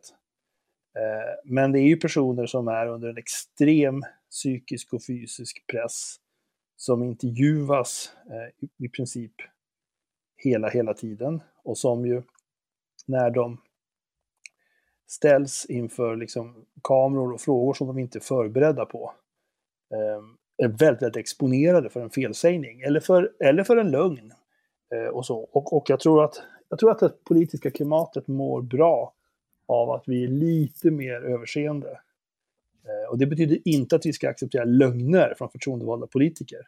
Absolut inte. Men jag, men jag tror att eh, Eh, om det är felfria människor vi söker, då kommer det bli väldigt svårt att hitta personer med olika bakgrund och personer som är, beredda att våga göra misstag också. Men jag tänker att hela den här grejen med Folkhälsomyndigheten, att de, du vet, det försvann text från hemsidan. De börjar påstå att de aldrig har haft den här, um, den här taktiken eller strategin som, som det framkommer i mejl att de har haft och så vidare. Hela det känns liksom, det känns ruttet på något sätt. Ja, och då måste man, det är det ju om det är så att det finns onda motiv bakom att ändra eh, formuleringar på en hemsida. Eh, rädda sitt skinn? Ja, om det skulle vara så. Så är det naturligtvis inte en del av en myndighetsutövning, tycker jag, som en tjänsteman ska ägna sig åt. Men min erfarenhet är att det är ofta väldigt mycket mindre dramatiskt än så, att människor gör misstag. Ofta får jag frågan, när vi avslöjat en stor nyhet, om eh, hur det här har tillkommit. Och då har man ofta en, eh, en bild av att det, det, det har skett under extremt dramatiska former. Ett, um, att det finns en, en deep throat då, som i Watergate-skandalen, en, en, ett statsråd som, som i princip sitter inne på Rosenbad och läcker hemliga uppgifter. Så försöker man lista ut vem det kan vara. Men ofta så är det väldigt mycket så att säga, mindre spännande eh, förhållanden som, som ligger till grund för ett avslöjande. Det är någon som har sagt något, ett pussel som har lagts. Det är, en, det är väldigt många fler människor som ofta vet någonting om något. Det heter alltid att polisen har läckt till media om det har hänt någonting. Eh, men det kan ju lika gärna vara eh, en ambulansman, en brandman, en, en åklagare, en försvarsadvokat, ett målsägarbiträde, en tingsrättsnotarie, en nämndeman, en domare, någon på sjukhuset, någon som hämtar den avlidnes kropp, etc. etc, etc. Det kan vara trafik polisen som kom till platsen först eller bilbärgaren som tittade in i fordonet där det hade hänt någonting. Eh, det, det kan oftast finnas 10-15 potentiella, kanske ännu fler kategorier av, av, personer som kan ha lämnat en viss uppgift till, till media, som media sen kan använda för att publicera. Och det är kanske ännu fler individer, men i den offentliga debatten så låter det alltid som att det är polisen som läcker till journalister. Mm. Men, men, både du och jag vet ju att det finns poliskällor liksom. Som ja, ja, och det ska det ju göra. Det, är en del, det, det finns ju en meddelarfrihet som, som gör det möjligt för poliser att under vissa förhållanden berätta saker för journalister. Och det är ju en grundlagsstadgad rättighet som de har. Det är ju, det är en viktig kanal för information till media och därmed allmänheten och därmed medborgarna. Mm. Men det är inte superbra när det läcker alldeles för mycket saker som inte ska ut i media. Ja, det beror ju helt och hållet på om man tror på det fria ordet och grundlagen eller om man tror på, på någonting annat, tänker jag. Utan det är klart att det finns, eh, det, fin det, finns en anledning till att vi har en sekretesslagstiftning, men det finns också en anledning till att det finns ventiler i den. Mm. Jag menar, det är alltså förundersökningar som innehåller känslig information som bör hållas hemliga för, för båda parter för att inte påverka utredningen. Det är ganska rimligt att de hålls hemliga. Liksom. Ja, Absolut, men de ska, de ska ju hållas hemliga av de personer som omfattas av sekretesslagstiftningen. Men journalisterna har ju ett annat uppdrag. Det uppdraget är att, att hålla allmänheten informerade och för att kunna göra det så finns det uppgiftslämnare i många olika yrkeskategorier eh, som bidrar till att hålla allmänheten informerad. Och det finns ett skäl till att det är tillåtet. Eh, och att det finns ett skäl till att vi har de grundlagar som vi har sedan faktiskt flera hundra år. Och det är ju att de värdena är väldigt viktiga att försvara. Ja, jag försöker inte argumentera emot att, att, att det är viktigt med meddelarfrihet och så vidare, men jag tänker bara i praktiken. Så, eh, det skulle ju vara tråkigt om, man, om jag till exempel hade ett rättsfall där jag hade blivit utsatt för ett brott och sen äventyras hela rättegången eh, på grund av att det läcker saker som, som eh, eh svaranden då kan förbereda sig för ja. och på så sätt glida undan. Det förstår jag. Det förstår jag fullständigt. Jag, jag förstår att man ur ett individperspektiv, om man är en part i ett mål, jag kan uppleva det så. Det, det, har jag full förståelse för, men det är väldigt, väldigt mycket eh, som är inom journalistikens uppdrag. Väldigt mycket som vi publicerar som en enskild individ kan tycka är bra eller dåligt. Inte minst då, du nämnde aktiemarknaden tidigare och det kan finnas andra exempel också. Men, men journalistiken ska ju i möjligaste mån vara konsekvensneutral och inte ta hänsyn till, till den typen av överväganden. Mm. Ja, är det någonting, vi har ungefär åtta minuter kvar. Är det någonting du känner att, att vi behöver prata om idag förrän vi avslutar? Någonting som du vill att vi får sagt? Kan inte du ge ett exempel på vad du tycker är bra respektive dålig journalistik? Jag tycker att bra journalistik har hög integritet gentemot dem som man lyfter fram information om. Alltså det vill säga eh, man är försiktig med när man publicerar namn och bild. Och tänker på de eventuella konsekvenserna av, av vad personen kan, kan få ut av det. Jag tänker specifikt på, på Fredrik Virtanen, hur det, hur det la sig eh, till exempel. Det var ett, det var ett exempel på, på dålig journalistik. Um, och bra, eh, då, då, ja, det är dålig journalistik. Det är väl bra, det, det är både ett exempel på bra, bra och dåligt. Det ger, det ger, alltså bra journalistik har ju väldigt mycket att göra med um, hur man, alltså nu känns det som att jag bara kissar ut floskler, vilket är det jag gör, men fan ska jag säga? den, ska vara, den ska vara ärlig och rak. Uh, och, och, jag tycker också att, att journalisten bör uh, redovisa sin bias. Uh, jag tycker att det är viktigt. Och vad menar du då? Nej, men berätta vad den tycker själv personligen. Så att man kan lägga det i, i perspektiv till, jag till exempel håller, håller inte hemligt min politiska åsikt. Um, och, och, därför så finns det folk som är bekväma med att anlita mig. Just baserat på att de vet var jag står. Sen finns det andra som inte vill anlita mig. Som jag jobbar ju till exempel inte på nyhetsredaktionen längre. Eftersom jag har en politisk färg. Men det hindrar mig inte från att skriva eh, näringslivsnyheter eller, eller annat. Eh, så att eh, jag tycker att alla journalister bör berätta var de står för att då blir det lättare att eh, förstå deras tillkortakommanden. Ja, fast jag tycker, ja, det, det, jag, förstår, jag, jag, har hört, stött på det argumentet tidigare, men om jag skulle hysa en viss uppfattning i en fråga, EUs skuldpaket, eller, eller om, om Sverige överhuvudtaget skulle gå med i EG, som det hette på den tiden, när vi diskuterade, eller vad det nu kan vara för fråga, gå med i NATO, säger vi. Finns det inte en risk att om jag skulle deklarera min personliga uppfattning, att man då skulle tolka journalistiken utifrån den så att säga, uppfattningen i tron att det skulle påverka min journalistik? Det är ju som ett, ett yrkeshantverk vi pratar om här. Det är ju inte så att mina personliga eh, uppfattningar i en sakfråga ska påverka vilket journalistiskt arbete jag gör. Lika lite som det påverkar om jag vore en åklagare eller polis eller läkare eller, ja, eller taxichaufför eller vad som helst helt enkelt. Det är ett arbete som jag utför.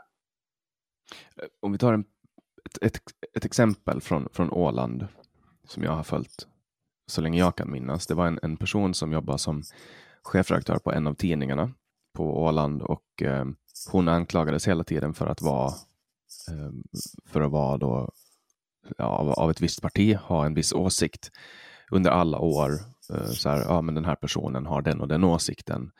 Eh, och sen slutade hon som chefredaktör och döm av ingens förvåning när hon ställde upp för det parti hon har blivit anklagad för att ha sympatiserat med. Men betyder det att de journalistiska beslut hon fattade var fel eller präglade av den ideologin? Det behöver det ju inte alls göra. Nej, men jag tycker att det är svagt att inte deklarera var man själv står. Men finns det inte en risk då att om hennes beslut som chefredaktör inte hade någon som helst påverkan av att hon tyckte att det ena eller andra partiet var bra eller dåligt. Om hon hade gått ut och sagt att hon företrädde ett visst parti privat, finns det inte en risk då att hennes, de politiska motståndarna skulle liksom avfärda en fullständigt relevant journalistik bara i tron för att, ja men så där säger hon för att hon tycker om partiet X eller Y. Men alla visste ju redan. Alla förstod, alla visste. Jo, men har det någon som helst betydelse i hennes journalistiska arbete? Om, nu kanske hon var politisk chefredaktör, det vet inte jag. Men, men låt oss säga då att hon, att, hon, att hon var en helt van, att hon var en journalist som fattade beslut som var publicistiska. Har det då någon sorts betydelse då vilken politisk uppfattning hon har? Jag har lite svårt att se det. Som chefredaktör och opinionsbildare, ja. Ja, men då företräder man ju, ja, men så för, då, då, då, om man företräder en tidning med en ledarsida som har en deklarerad politisk hållning, eh, då får man ju anta att styrelsen eller ägaren har säkerställt att den som man tillsätter för att utföra jobbet omfattar den ideologin. Och och det behöver inte vara ett partibeteckning, det kan vara en, kan vara en ideologi. Det är ju inte sannolikt att det kommer vara en kommunist som är chef eh, för en moderat tidning, eller tvärtom så att säga. Mm. Nej, men jag, tänk, jag tänker bara att, att om alla vet att den här personen i fråga har den och den lutningen, eh, som till exempel den andra tidningen, den nuvarande chefredaktören sticker inte under stol med vad han har för politiska åsikter. Han säger rakt ut liksom. Ja, jag vet inte i vilken utsträckning det Det är, lite, det är lite olika tidningskulturer här och så, men, men jag exemplifierade ju tidigare att jag har blivit anklagad för att ha både den ena och den andra politiska uppfattningen. Kommunist, rasist, nazist. Ja, och, och, och, och förmodligen några epitet till, så att säga. Och eh, de som kommer med den typen av tillmälen eh, har ju ingen som helst kunskap om vad jag egentligen tycker.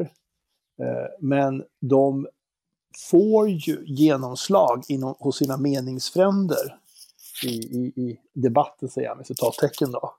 Men på dess respektive anonyma sociala mediekonton och, konton och hatsajter där väljer man ju att tro på det som, det som passar just dem. Um, och jag tror att det är väldigt viktigt att journalistiken Ehm, i möjligaste mån stå fri från den typen av, av, av etiketter. Jag kan inte säga idag att Lars Adaktusson präglades av någon särskilt kristdemokratisk hållning när han var programledare i Agenda. Och jag kan räkna upp ett antal andra journalister som se, senare har tagit position eh, eh, i debatten i olika organisationer eller politiska partier. Men det är väldigt sällan man kan knyta det, tycker jag, tillbaka till deras journalistiska gärning och säga aha, då förstår jag. Så att säga. Och jag tycker att det är viktigt att komma ihåg att journalistik är en profession. Sen finns det ju naturligtvis opinionsbildare som också är journalister. Och då kanske det är en, en tydligare koppling. Men i huvudsak så är journalistik ett yrke och det, och det kan man utöva alldeles oavsett vilken politisk uppfattning man har. Och det ska heller inte påverka det journalistiska arbetet. Om man gör det, då är det, och, och inte har deklarerat det, då är det ju ingen bra journalistik man, man utför. Då är man en dålig journalist. Är du borgerlig? det, det där är ju en av de frågor som jag ofta har fått, som jag aldrig brukar svara på. Men, men om man Har säger du så, slutat rösta, Thomas, har du slutat rösta borgerligt än? jag brukar säga så här då, att jag har ju varit chefredaktör och ansvarig utgivare för en liberal tidning. Och tidigare så kunde man ju säga att det, san, det, det pekade väl i en borgerlig riktning. Men som diskussionen har varit inom Liberalerna den senaste tiden och året så kan man kanske vara lite vad som helst som liberal. Så vi kan hålla den Det frågan mindre, öppen. det är väl mindre än 5% sannolikhet att du är en av dem? Ja, det verkar ju vara ganska så jämnt i, i fördelningen inom Liberalerna. Eh, vilken regeringsalternativ som man tänker stödja. Så att, eh, Ja, det lutar ju mot en, Sverige, en regering där Sverigedemokraterna finns med på något hörn. ja, det, lutar åt en, att, det lutar åt att Liberalerna vill stödja en moderatledd regering i alla fall. Så långt kan vi sträcka oss. Sen får vi väl Och se. Vad, Moderaterna vill ha stöd av Sverigedemokraterna. ja, de säger väl i alla fall att de vill ha stöd av alla som stödjer dem. Så att, och inte utesluta någon. Ja, nu har vi spelat in i två timmar. Det var jättekul att äntligen få fatta dig, Thomas. Ja, tack så mycket själv. Vad intressant. Och till alla ni som har lyssnat, eh, jag är jättetacksam för er och ert stöd.